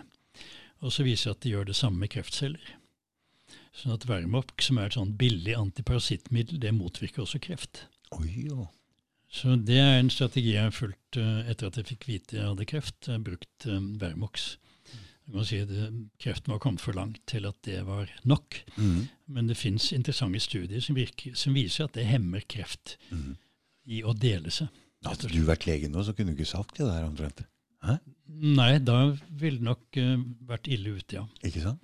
De kan ikke ta for meg lisensen, heldigvis. Nei. Jeg kan i grunnen si hva jeg vil. Ja, det er bra. Og jeg er ikke ansatt noe sted, så jeg får ikke sparken. Nei. Nei, det er godt å kunne si hva man vil, hva. Ja, i hvert fall når det er basert på dokumentasjon, for jeg følger jo med i litteraturen og har funnet, funnet at det er en rekke stoffer som har interessante virkninger mot kreft. Mm. Det gjelder jo også et stoff som gis til diabetikere, som heter metformin. Og Grunnen til at det motvirker kreft, er at kreftceller trenger to ting for å vokse. Det ene er sukker, glukose. Mm. Det andre er glutamin. Ja, dette prata Terje Tofnes om, husker jeg. Ja, nettopp. Så jeg gjorde den feilen etter at jeg hadde fått konstatert eh, kreft, at jeg eh, skulle trene og få i meg mye protein. Mm. Og da fikk jeg med en del pulver med glutamin. Men, så glutamin, uh, hva er det for noe, egentlig? En aminosyre Riktig. som fins i alle animalia. Mm. Men i mange kosttilskudd finnes det relativt mye av det. Mm. Altså aminosyretilskudd. Mm. Så det, det jeg gjorde i fjor høst, jeg fikk andre gang konstatert at jeg hadde kreft. Da, da kvittet jeg med alle glutamintilskudd. Mm. Så du må sjekke kosttilskuddet om det er glutamin i det? Ja. Mm. Du kan kjøpe aminosyreblandinger uten Uten. glutamin. Mm. Eh, og der er det noe som heter forgrenede aminosyrer, blant annet. Mm. Og det er noe som heter eh, altså basisaminosyrer, som er de som trengs for muskelvekst. Mm.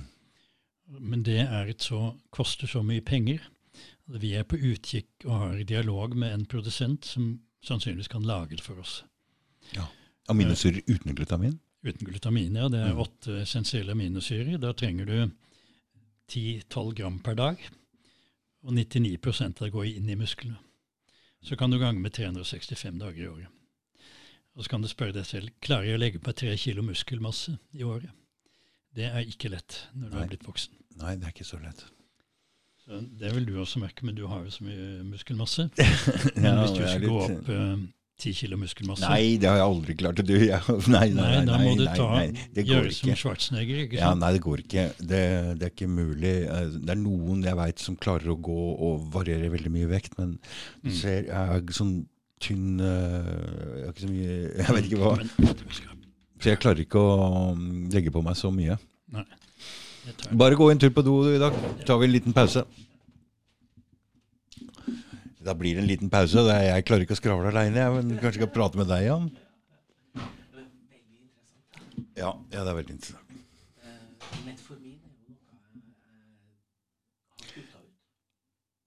ut. Metformin kutta jeg faktisk ut, for jeg var nødt til å eliminere Å ja. Mm. jeg Hvorfor det? Du har ikke kreft, du? Nei, men jeg har diabetes 2. Så Å ja, mm. eh, ordner så at tynntarmen ikke tar opp raske karbohydrater og glutamin. Mm. Så, så de, de testene på metformin de er ganske interessante. Ok. Mm. Så bare, bare søk opp eh, positive ting med metformin. Så det er jo farmasøytisk industri, men heldigvis noe som kan fungere. Da. Mm. Eh, Tror du folk hører hva du sier nå? Nei, veldig lite. Du kan jo repetere. Ja, han prater om metformin, som ble nevnt her i stad. Det um, Jeg vet ikke hva Hindrer opptak av eh, raske karbohydrater i tynntarm. Men den hindrer også glutaminopptaket. mm. Og det er bra. Ja. For da sulter du ut litt eh, kreft. Jeg lurer på hvordan jeg skal klare å gå 10-15 timer uten mat. Jeg skal høre mer med han Dag her etterpå. Kanskje han skal bli min egen uh, mat matspesialist. Ja, du, må, du må teste ut litt. Og du ser jo russisk forskning når de gjør som, eh, som det her, da, gå 10-15 timer uten mat. Mm. Det er jo helt rått. Og hver gang jeg står opp, så ser jeg jo at levra mi øker eh, blodsukkeret. Nettopp fordi at da forventer kroppen at du skal ut og jakte ned frokosten eller jakte ned maten Mm.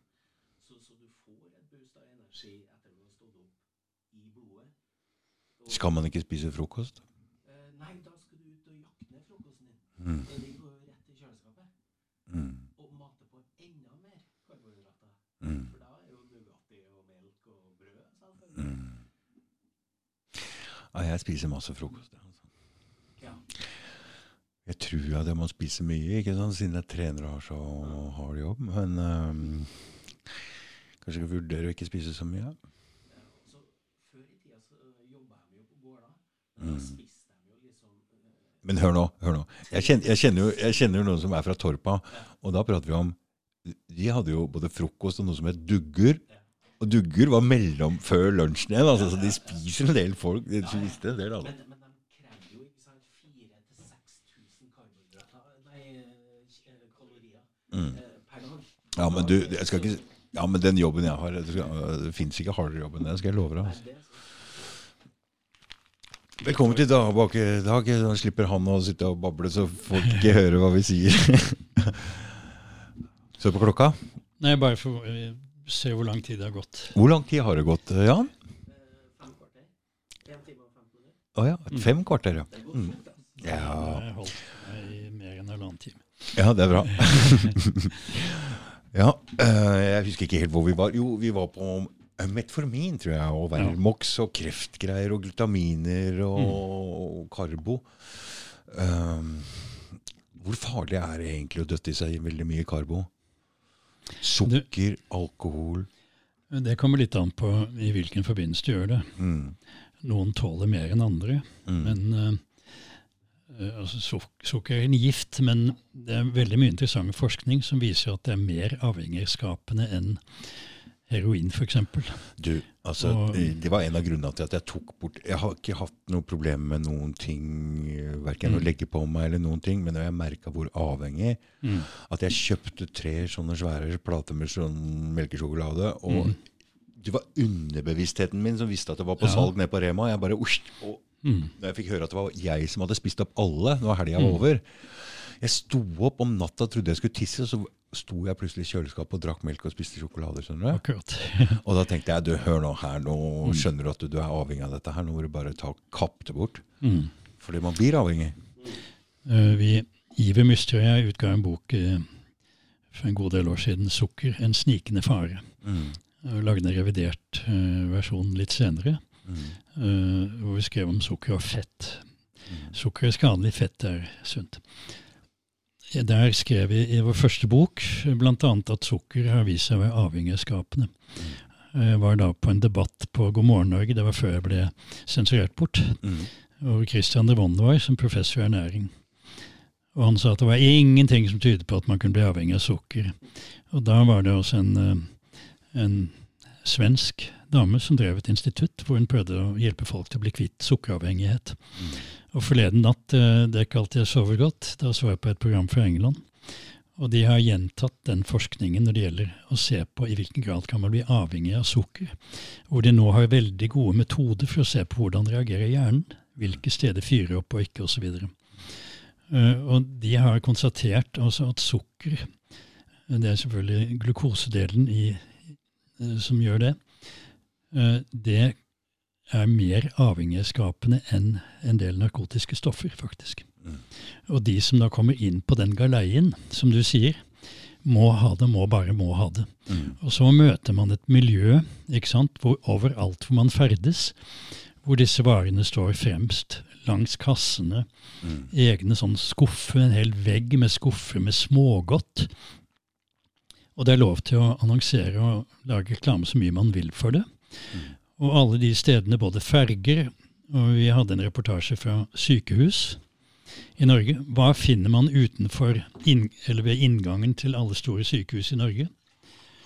Jo, man finner kiosker. Og hva selger de der? Jo, da tar man en eske konfekt opp til pasienten. Her ligger de også på sykehus, mange fordi de har spist feil. Mm.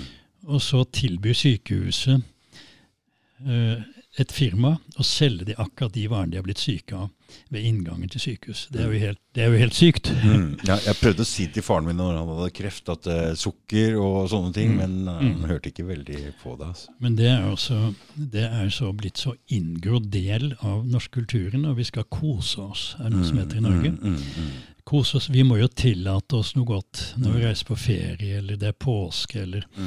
en eller annen begivenhet, og det er bursdag, Mm. og det er klart vi skal ha kaker. Og jo, det er en ny regjering, alle skal ha kake, ikke sant, og Erna med sukkerposen sin osv. Mm. Eh, alle anledninger skal feires med bløtkake. Og så finnes det jo faktisk sukkerarter som ikke er skadelige, og ikke avhengig av skapet, men som ikke får noe hjelp i det hele tatt, for det er mye dyrere å produsere enn fra sukker, roer og rør. Man kunne jo rett og slett lagt på en feit avgift på vanlig sukker, og subsidiert de sukkerartene som ikke er skadelige, sånn som erytritol.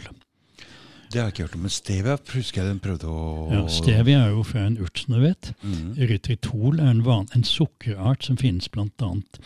i en del planter. Mm. Det er ikke kariogent, altså det gir ikke tannråte.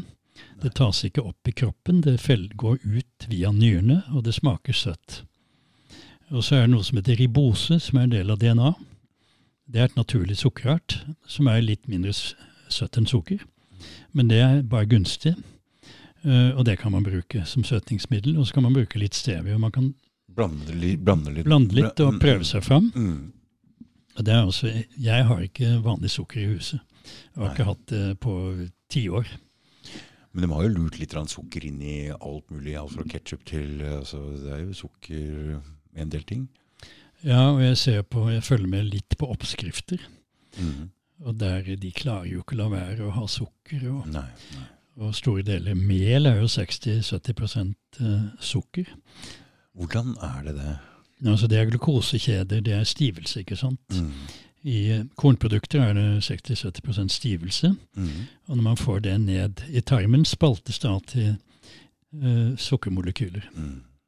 Så det hvitt brød f.eks. gir en blodsukkerstigning som er enda høyere enn vanlig sukker. Mhm. For det vanlige sukker det er sukrose pluss fruktose. Fruktose er en sukkerart som veldig, veldig langsomt går over til det sukkerarten som kroppen Så den er ok fruktose, eller? Det er ikke ok å spise veldig mye av den. Nei. eh, For det Men det er kan det hva, hva syns du om For jeg har jo hatt inn Tor Fosseid her, Mm. og han er jo til og med helt imot frukt øh, og Mm. alt som er. Men øh, hva tenker du om det? Det er ingen grunn til å være imot frukt. Nei. Nei. Men hvis man har kreft Mm. og vil holde inntak av karbohydrater langt Da- nede, Da kan det bare Nå har vi, vi Jeg skaffet en sånn ket, keto, ketometer. Du kan måle i hvilken grad man er i ketose eller ikke. Mhm. Og Det er nå testet ved å spise jordbær f.eks. Og banan. De de gir ingen utslag. Nei. Så jeg kommer ikke ut av ketose selv om jeg bruker en Hva er ketose? ketosejag? Ketose, ketonlegemer, er et molekyl som lages fra fettsyrer av leveren. Mhm. Ketonlegemer kan brukes av hjernen istedenfor glukose. Jeg veit jo hva ketoner er, for jeg har jo hatt kjemi på videregående. og da hadde jeg... ja, det er altså- ikke så mye man lærer da. Nei, men jeg hadde liksom det, kjemi som hovedfag i tredje klasse også. Akkurat. Men, jeg vet Men jo i hvert fall det ketoner og aldehyder og det greiene der. interessante er at uh, det, det finnes en veldig stor mengde vitenskapelige publikasjoner om nytten av ketoner. Mm. Uh, og en av forskerne kaller det for superbrensel. Ok. Det vil si at du får mer ATP, som er det energimolekylet vi trenger for å utføre alle oppdrag i kroppen, Mm. av ketoner enn av glukose og fettsyre. Så det er veldig effektivt og kan brukes av hjernen. Mhm. Sånn at eh, når vi er tilpasset ketoner, sånn som vi var i steinalderen, hvor vi hadde periodisk sult, eller faste, ikke sant? og ikke spiste masse smågodt, for å si det sånn. Mhm. Vi spiser fett og fisk og fugl og eh, noe bær, frukt og grønnsaker, og de fruktene vi fant, de var litt sure. Det var ikke sånn alet for å få mer sukker inn. Golden Delicious fantes ikke. Nei, for de, de, de har blitt ala fram, disse Ja. eplene og de Ja. villepler og sånn er litt surere. Og Det er noe helt annet. kirsebær er kanskje litt surere enn f.eks. moreller og ikke sant? Nettopp. Så en del av de frukt- og bærtypene har veldig lite sukker. Mhm. Jeg ville absolutt ikke advare mot det, men hvis man har en etablert kreft, Mhm. eh, er det et poeng å holde seg unna alt som inneholder glukose, i hvert fall. Mhm. Eh, Men det betyr ikke at man ikke kan spise noe bringebær, for å si det sånn. Men holde seg unna brød, kaker, loff, eh, poteter, Ris òg? ris. Mhm. Alle kornsorter i prinsippet. Mm. Så siden han legen var her forrige gang nå, så har jeg begynt å drive med cottage cheese og, og, og, og kjøtt igjen. Og så litt Mm. sånn crème fresh. Men den, den feilen de fleste gjør, er å spise for mye protein. Ja. 50% av proteinene kan gå over til sukker. Ok, Ja, Det er så glykogene aminosyrer. men da begynner det å bli veldig vanskelig for meg her nå å spise mat eh, dag. Det er ikke noe vanskelig hvis du tenker revolusjonært. om å spise mer fett. Og hvis du spiser mye fett, da taper du ikke muskelmasse. Men Hva slags fett? Eh, Naturlig animalsk fett. Altså det som er på skinka, det, der, eh, Ja, det ja. som er på koteletten, det hvite. Absolutt. Mm. Og i fisk. I fugl. Spis med skinnet på, gjerne økologisk. Mm. Frittgående høns osv. Mm. Egg. Egg ok. Ja, Ja. smør. Mm. Kokosfett. Kokosfett har jeg oppe. Ja. Mm. Jeg, satt, jeg, for første gang så klarte han å, å forklare meg her hva umetta, flerumetta og metta fett var. Og da tenkte jeg ok, Mm. så det er det Jeg skjønte det via kjemien, at det er Mm. ok, det er en umetta forbindelse som er en lett, reak lett Mm. reaktiv forbindelse som lager dårlig kolesterol og sånne ting. Så Det interessante er jo at nesten alle dyrearter de lever på fett. Ja. Selv kua som spiser gras, okay. omdannes det gresset til korte, korte kjeder av fettsyre i vomma, Mm. som opptas i blodet. Mm. Så de, de lever egentlig på fettsyre og ketoner, de. Og det gjør en rekke dyrearter. det. Mm. Det er unaturlig for et dyr å gå på masse sukker, Mm. Altså som energisubstrat. Og det gjelder selvfølgelig mennesker også. Selvfølgelig. Mm. For jeg har allerede hørt det der at bikkja di skal egentlig ikke ha mat så ofte. Den kan godt gå og sulte litt, og så kan den få litt svære sånne greier. Så tenkte jeg Ja, det altså- samme, samme for Bikkjer er litt annerledes enn oss for at de kan spise mye mindre fett. De tåler mer protein enn vi gjør. Oh, ja. mm -hmm. For oss ligger en grense i totalproteinandel på rundt 40% Over det blir man syk. Kaster opp. Oh, ja. Får ammoniakk i hjernen osv. Dette har jo vært vist i forsøk med Men, men når du sier sånn 40% øh, da prater vi tyngde ikke sant, i et måltid? nei, i energimengden. Å, det er vanskelig å regne dette. Men det er ikke så vanskelig. altså hvis du, For å si det sånn Hvis du spiser en biff på inntil 200 gram, Mhm. det er 40 gram protein. Ok. Mhm. Det er ikke enormt mye. Men vi trenger mye mindre protein. Men hva skal jeg ha ved siden av da, hvis det skal være um, Deilig masse fett og grønnsaker. Tomater, avokado er en frukt. Det er en av de fruktene vi ikke bør være engstelige for selv om man har kreft. Mm. For det inneholder mest fett. Ok. Men du veit åssen det er med de avokadene i butikken? Når jeg kjøper dem, så er halvparten av dem helt svarte inni. Og, ja. Ja. Da, da må du ta det ned til butikken og be om ny. det, det gjør jeg. Ja. Mm. For du åpner dem opp, og så er det bare off, da. Ja, så kan du si at ok, Og de er dyre nok som de er. de koster en masse, og de transporteres langt av gårde. Ja. Men uh, for min del, jeg elsker avokado. Ok. Mm. Jeg bruker det også i smoothie. Mm. Så sammen med den biffen, avokado, tomater Hva med denne cottage cheesen som jeg driver og kjøper? Ja, hva skal du med det? Eh, Du kan for så vidt spise det, men sørg for at du har tilsvarende mye fett. Mm. Altså det Krem fresh, er det fett som er ok? mm, Crème fraiche, er det ok fett? Krem fresh, ja da. Og kremfløte og Mm. kokosfett og Ja. smør. Mm. Ikke sant? Eh, Mm. Det har jo vært brukt som kreftstrategi å bruke olivenolje, eller linfrøolje pluss cottage cheese. For det liker jo ikke kreftcellene. Ok, men denne linfrøoljen, det er liksom sånn, den har jeg hørt om, det er sånn østrogenlignende, disse linfrøa. Eh, hva tenker du om det? Nei, det vil jeg ikke være veldig bekymret for. Nei. Eh, Det er Anna Bodvig som var en ganske dyktig kvinne. Hun behandler mange kreftpasienter Mm. med den dietten. Hun skrev flere bøker, både på tysk og oversatt til engelsk. Mm. Så hun er en av pionerene på lavkarbokosthold, Mm. hvor hovedingrediensene var cottage cheese og linfrøolje. Er hun norsk, eller? Nei, nei, Anna Bodvik. Bodvik? Frau Bodvik. Mm. Doktor Bodvik. Altså okay. tysk, naturligvis. Mm. Mm. Mm. Så vi har skrevet, skrevet en 13 artikler i Helsemagasinet om lavkarbokostholdets historie. Mm. Så abonnenter kan bare gå inn og søke på det, så finner de alle artiklene og hele historikken fra 1600-tallet. Mm. Eller 1700-tallet.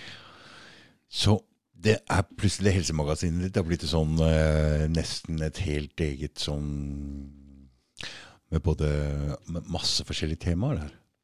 Ja, vi, vi kan si at eh, i bunnen har vi jo ernæring og helse. Vi har skrevet mye om trening også. Mm. Og for ja, var det i fjor vår anskaffet vi et nytt treningsutstyr som etter min oppfatning er mye bedre enn å trene med løse vekter. Du om strikker, Ja. ikke da? Jeg har trent med løse vekter fra jeg var tolv. Mm. Og hatt vondt i ryggen og skuldre overalt. Jeg har løftet temmelig tungt i forhold til min kropp. Men Mm, når jeg ser på de som virkelig løfter tungt, så er det jo bare en pitle greie jeg driver med. Mm. Men eh, det er ikke så mange på min kroppsvekt som løfter det jeg gjør. Nei, nei. Men eh, etter jeg begynte med strikk Det går an å skade seg der òg. Mm. Men det er mye mindre belastning på ledd og sener. Og grunnen til det er at, eh, det vet du som trener vekter, når du er i benken f.eks. Mm. Når du har armene strukket ut, da er du sterkest. Ja, ja. Når stangen er på brystet, er du svakest. Ja. Sånn at den vekta du kan løfte opp, det er den du klarer å ta fra brystet de første 5-10 centimeterne. Mm. Med strikk er strikken lettest når du er på brystet, ja, og tyngst når du er strukket helt det er sant. Sant? Og da får du en mye, mye bedre, jevnere belastning av muskulaturen. Mm. Og det kan du gjøre med alle øvelser. Mm. Så du ligger, eller uh, en som heter John Jarkish, jeg har skrevet noen artikler om hans bøker og treningsmetode i bladet vårt. Mm. Og vi har enerett i Norge på hans eh, patent, for å si det sånn. Mm. Det består av en plate, eh, fire strikker med forskjellige Uh, Ja, Motstand. Motstand. Mm. og en stang som er veldig fin, fordi den går på silikonlageret. Så den er helt vibrasjonsfri, og snur seg da med strikken, sånn at ikke den tvinner seg. Mm, Jeg ser ikke helt for meg hvordan Altså, det ser ut. Du fester er strikken på stanga, Ja. og så når du tar stanga ut, så, så kommer en litt annen vinkel, ikke sant? Mm. Mm. Men da, da står disse uh, holderne til strikken, de er da en rett linje ned Mm. til der strikken er utgangspunkt. Mm. Så du slipper noe sånn vridning og sånn. Mm.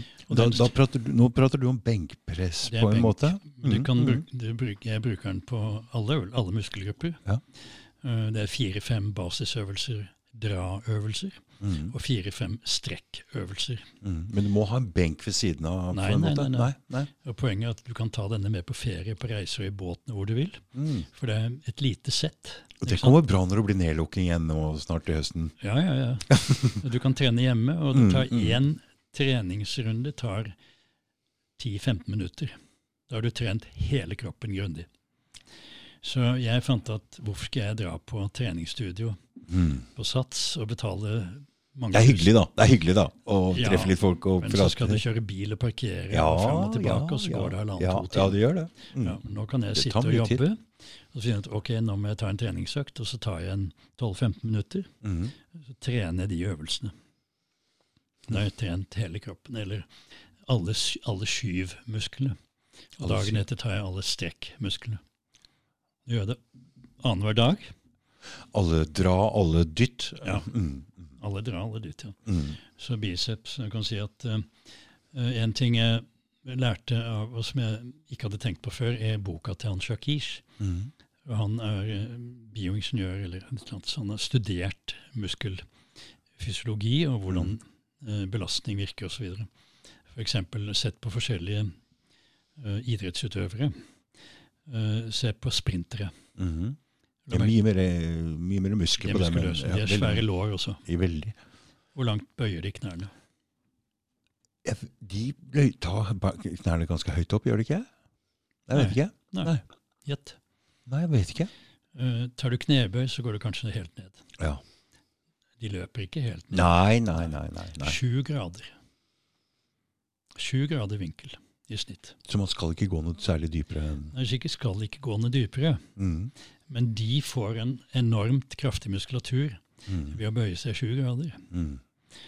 Så det er, ikke, det er ikke nødvendig å gå ned til du sitter med rumpa langs hælene Nei. for å utvikle muskulatur.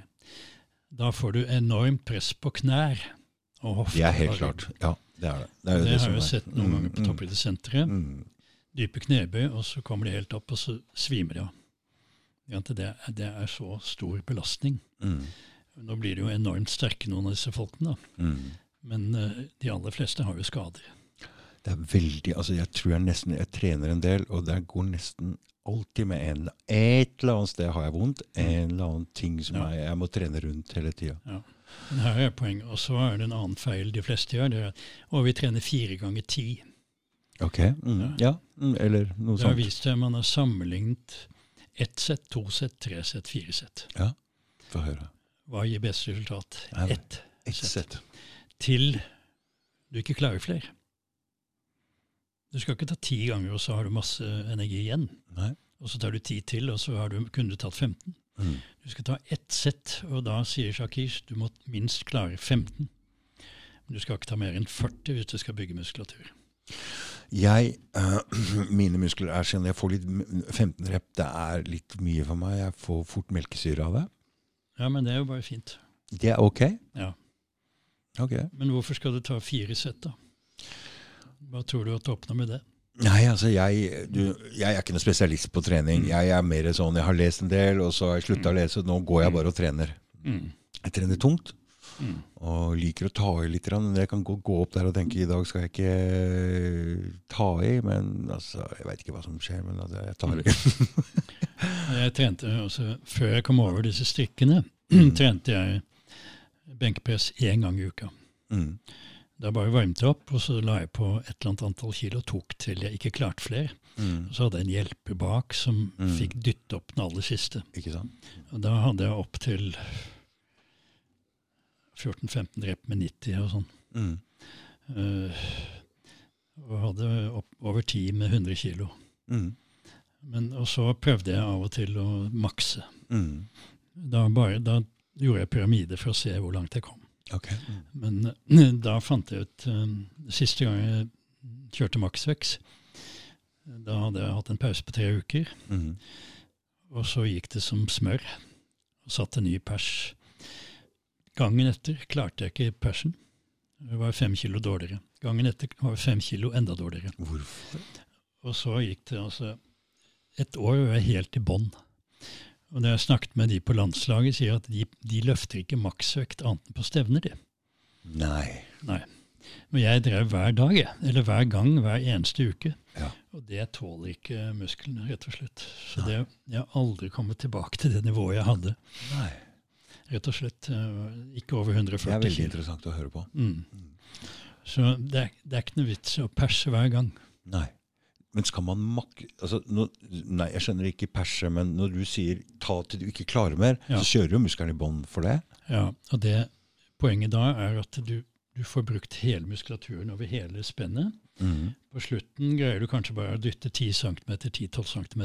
Mm. Du holder, når du, siste reppen du tar, klarer du kanskje å bare bevege eh, vektstanga 5-10 cm, eller 15 cm. Mm. Da kjenner du til muskulaturen. Mm. Da skal du ikke ta ett sett til.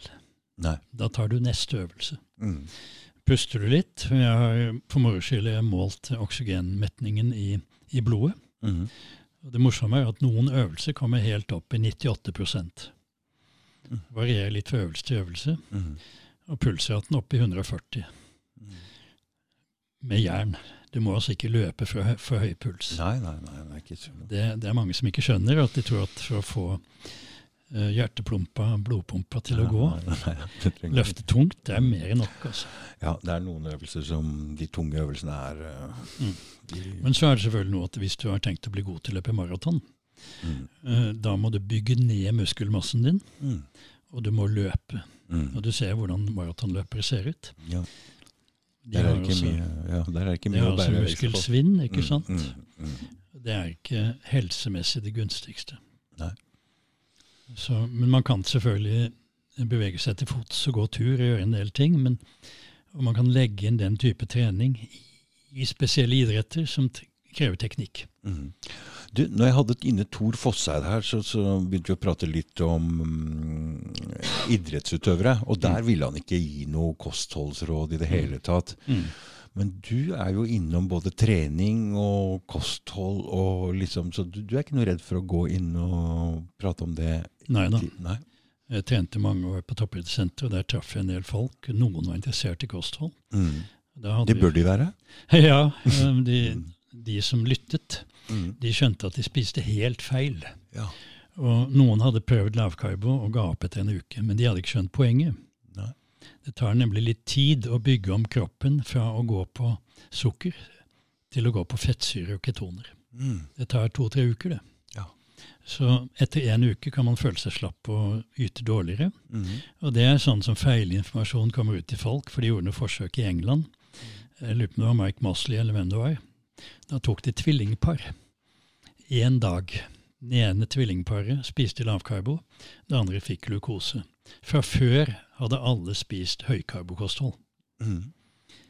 Og så gjorde de en masse forskjellige ting den dagen, og gjett hvem som vant. Nei, altså den første dagen så fikk han dårligere resultater. En, en dag. det tok bare én dag. En dag. Mm. Samling til to grupper. Ja, ja, fortell, fortell. Selvfølgelig tapte lavkarbogruppa, Mm. For det tar lang tid å venne seg til lavkarbo. Mm. Og så proklamerte de at idrettsutøvere spiser mest mulig karbohydrat. Å ja. Det er også bare tøv. Mm. Men hadde de holdt på noen uker, sånn som øh, øh, en øh, professor medisin jeg kjenner, han gjorde de forsøk på 80-tallet. Mm. Og da gjorde de rett og slett høyfettkosthold. Og det viser at de ble altså overneget best på høyfettkosthold, men det tok litt tid. Riktig. Og de kunne yte minst like mye. Og en del av maratonløperne som har gått over på det, de har satt verdensrekorder, bl.a. på ultramaraton. Mm. Og to ganger maraton på rappen. Mm. Vunnet med god margin. Nå har de brukt en gel på, i akkurat siste delen for å tilføre litt eh, glukose på slutten. Men det kom til, i mål uten å sjangle inn til mål, sånn som glukoseavhengige gjør. Mm. For de mister jo stedsans og blir helt forvirret. ikke sant? For hjernen, ja. Mm. hjernen er vant til det. Og så uh, han jeg kjenner, de gjorde noen forsøk. De målte glykogeninnholdet i muskulaturen. Mm. Og da så de på to grupper. En var en høykarbogruppe hvor de drev glykogenopplasting for å få mest mulig glykogen i muskulaturen. ikke sant? Mm. Så gjorde de en uh, tredemølleøvelse. Den andre gruppa hadde levd på lavkarbo hadde mye mindre glykogen i utgangspunktet. Da de var ferdig med øvelsen, hadde de mer glykogen enn de som hadde gått på høykarbo. Mm. Fordi de sparte glukose og brukte fettsyre. Ikke sant? Mm. Og det, det var sånn våre forgjengere levde. Mm. De gikk på jakt og kunne forfølge et byttedyr i 10-12 timer. Og var enormt utholdende fordi de brant av eget kroppsfett. Når man ikke spiser, får man en økning i veksthormon som beskyttet muskulaturen, så man ikke nedbrutt muskulaturen og brukte den til energi.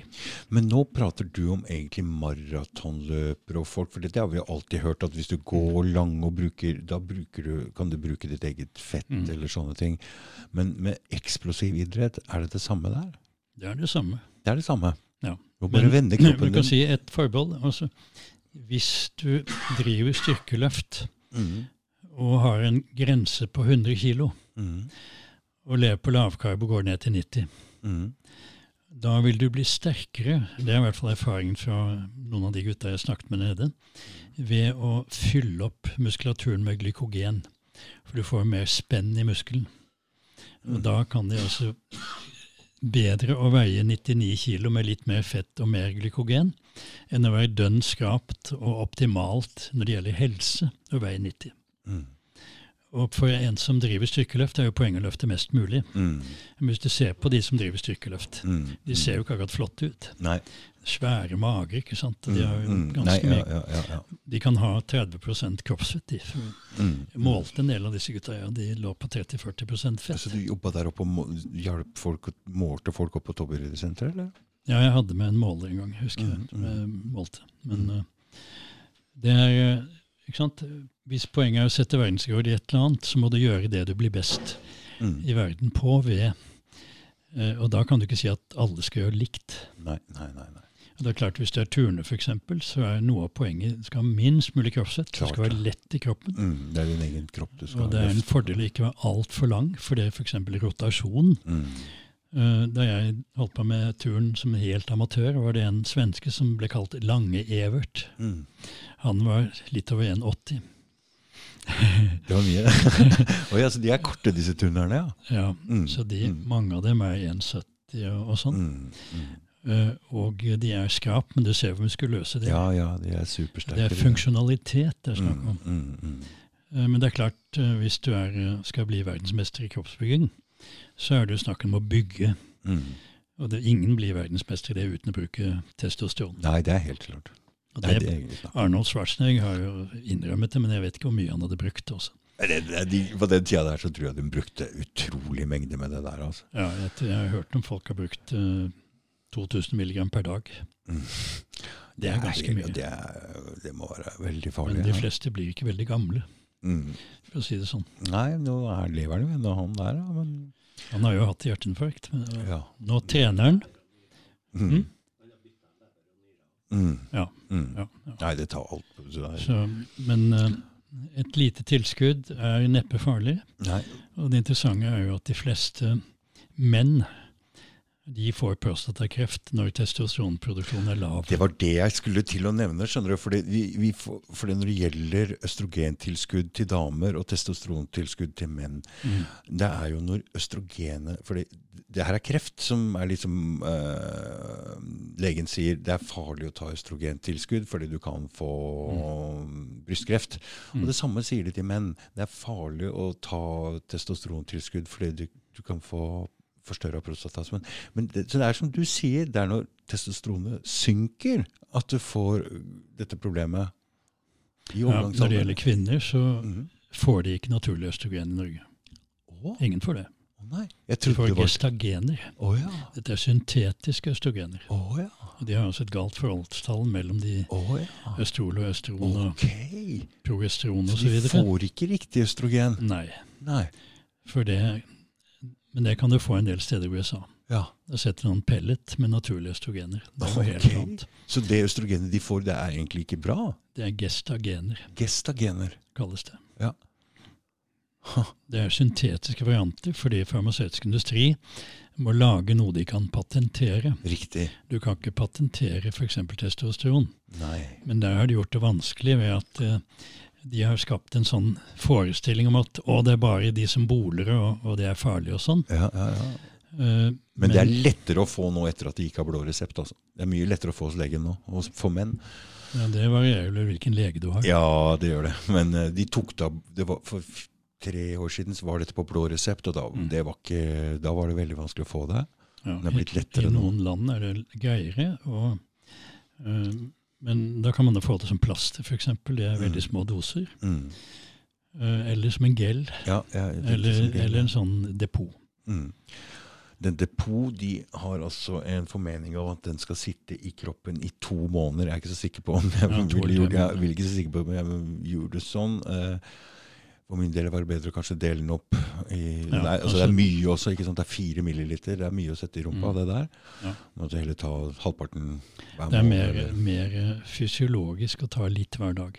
Ja. For det, vi har en naturlig syklus, ikke sant? Mm, Vi får mm, en, mm, en Vi har mye Så du mener gelen på en måte er riktigere da? At du tar det om Ja, morgenen? eller, Mm. eller piller. Eller altså ta én hver dag. Kan man ta piller av testosteron? Nei. Jo, jo. Men eh, de selger ikke i Norge. Nei. And, andro, andron heter det. Oh, ja. Så hvorfor det ikke er eh, til salgs i Norge, vet, ikke vet jeg. Nei. Men uh, det er mange muligheter som fins i andre land, som ikke fins i Norge. Men Mm. blant de fleste leger har man den oppfatning at man skal ikke ta testosteron, for det er doping. Ja. Men kvinner er greit. Alle kvinner i overgangsalderen får tilbud. Ja, jeg vet, jeg vet. Jeg har akkurat hatt det samme Ja. eh, Så det er en diskriminering diskriminering mot menn. Rett og slett. Og det er en del av den ting om at mannlig testosteron og all mannlighet er litt fy-fy i dette samfunnet her. Ja, det er det. Og det er synd, for vi trenger den mannlige altså, Mann og dame til sammen. Ja, så nå vet vi ikke hvorfor synker testosteronnivået så mye hos en del menn. Og det har jeg en rimelig hypotese at det har noe med vår livsstil å gjøre. Mm. Og vi er bl.a. utsatt for eh, hormonlignende stoffer i plast, ftalater osv. Det har jeg sett en svær podkast hos Joe Rogan hvor det var en dame som prater om Mm. at det er veldig nedsettende i plast. Og vi får det fra barnealder med tåteflasker, og det er plast i alt ja, mulig. Ja. Så det er veldig interessant at du drar opp. Så vi har jo ikke noen målinger på jegersankersamfunn. Nei. Men eh, det vi vet fra en del jegersankersamfunn, er at de fungerer i høy alder. Mm. De er eh, fullt bevegelige Mm. og kan gå på jakt osv. De som ikke er utsatt for skader eller blitt spist av en arm eller noe sånt av en løve. Men, så her er det mye som man burde hatt en åpen og fri debatt om, Mm. og mer forskning på. Nei, etter at jeg hørte den podkasten der, så vil jeg aldri varme mat i plastikk lenger. Aldri i verden om jeg gjør det. Mm. Og få det ut og varme det opp. Men alt vi, alt vi får, er jo plastikk. Ja, og ikke all plast. altså Hardplast avgir ikke noe særlig, men okay. Mm. mykplast er stort sett verre. For den av de mykgjøringsstoffene som kan ha østrogenvirkninger osv. Så, videre. så det, er- det er ikke lett å være menneske i vår tid. Nei, det er mye man må følge med på. Og man kan ikke, alle klarer ikke å gjøre alt riktig hele tiden. Nei, det er ikke mulig. Men uh, vi kan prøve å gjøre noe. Mm. Og målet er å forbedre seg lite grann og Ja. grann og lite grann hele tida. Og der har vi et stort potensial, alle Mm. mann. I hvert fall jeg. Her er det en film som jeg kan anbefale, som heter What About Bob? Å ja. Mm. Og den handler om å ta babyskritt. Mm. Ustyrtelig morsom. Det er han uh, Murray, vet du. Ja. Amerikansk komiker. Ja, ja, Jeg syns den var kjempemorsom. ja, han er veldig kul. Men Jeg skal ikke fortelle om den, men jeg kan bare anbefale å se den. Men du, Dag, hvis, Mm. hvis, hvis, du, hvis, du, hvis jeg skulle tatt med meg én ting, en viktig ting herfra i dag, som det viktigste ting jeg kunne forbedra meg på, Mm. hva ville du gitt meg der? da? Da vil jeg si les um, Per Pål og Espen Askeladd. Ja, ja, Og så ja, ja. Og Urda og ting i verden. Gjør Og- som Askeladden. Ja, jeg, jeg helt Og hva gjorde han? Jo, de gikk bortover stien, og så Mm. sier han 'hei, jeg fant, jeg fant'. ja. Mm. Og så, Dette var noe rare greier. dette var noe gøy. Hva er det for noe? Mm. Mm. Ingen vurdering, eller si nei. Så sier de andre 'kast den, det er bare tull, har ikke bruk for den'. Nei, jeg tar den med, jeg kanskje den kommer til nytte. Ja, ja, Det å kunne se på en ting uhildet, Mm. og ikke nødvendigvis gjøre det opp en mening med en gang. Nei. Og si at f.eks. hvis du diskuterer med en annen, lytt først. Ta det innover deg, ikke komme Nei, nei, nei, jeg er helt uenig. Mm. Liksom avbryte midtveis. Så kanskje det er noe å lære her. Helt enig. Ja, det er helt enig. Den åpenheten. Mm. Så kan man si ok, her har jeg tre argumenter imot. Mm. Eh, og så kan man ha en sånn dialog gående. Mm. Og Det er den etter min oppfatning siviliserte måten å gjøre det på. Mm. Respektere at motstanderen har andre synspunkter, Mm. men ikke protestere på det med en gang. Mm. Men kanskje si at ok, det argumentet kan jeg tenke meg sånn og sånn. Mm. Og så man prøve heller å komme til enighet. Mm. Hvis begge er åpne og uhildet Mm. Jeg tror jo at uh, Per og Pål skammet seg liksom etter møtet med prinsessa. De skjønte jo hvem som hadde rett. Så det er noe vi kan lære av folkeeventyrene våre, rett og slett. Mm. Og litt, være litt åpen og ydmyk. Mm. Ja, det er helt enig. ikke tro at vi kan alt, eller vet alt. Det er det vi vet veldig lite. Mm. Og vi har mye å lære av mange. Mm. Blant annet deg. Altså, du har jo Ja. satt deg inn i en del ting, og det er jo derfor du er her i dag. For å Ja, men jeg, jeg har da prøvd å suge til meg lærdom fra folk som kan mer. mm. Og jeg har ikke tenkt at Og jeg skal vise at jeg kan mer. Jeg Mm. kan si at dette vet vedkommende mer om enn meg. Mm. Her må jeg bare lytte også, Mm. rett og slett. Mm. Ja, for det er ikke mulig ja, for alle å sette seg inn i alt, så vi trenger spesialister som setter ja, seg inn i ting, og så kan vi få Det er jo det de er der for. Mm. Så Jeg er jo heldig som har truffet mange mennesker med masse kunnskaper. Og da har jeg lyttet. Mm. Hva kan jeg lære av dette? Mm. Mm. Skal vi si at det er takk for i dag? Tusen takk for at du kom, Dag. Bare hyggelig. Mm. Greit. Ha det.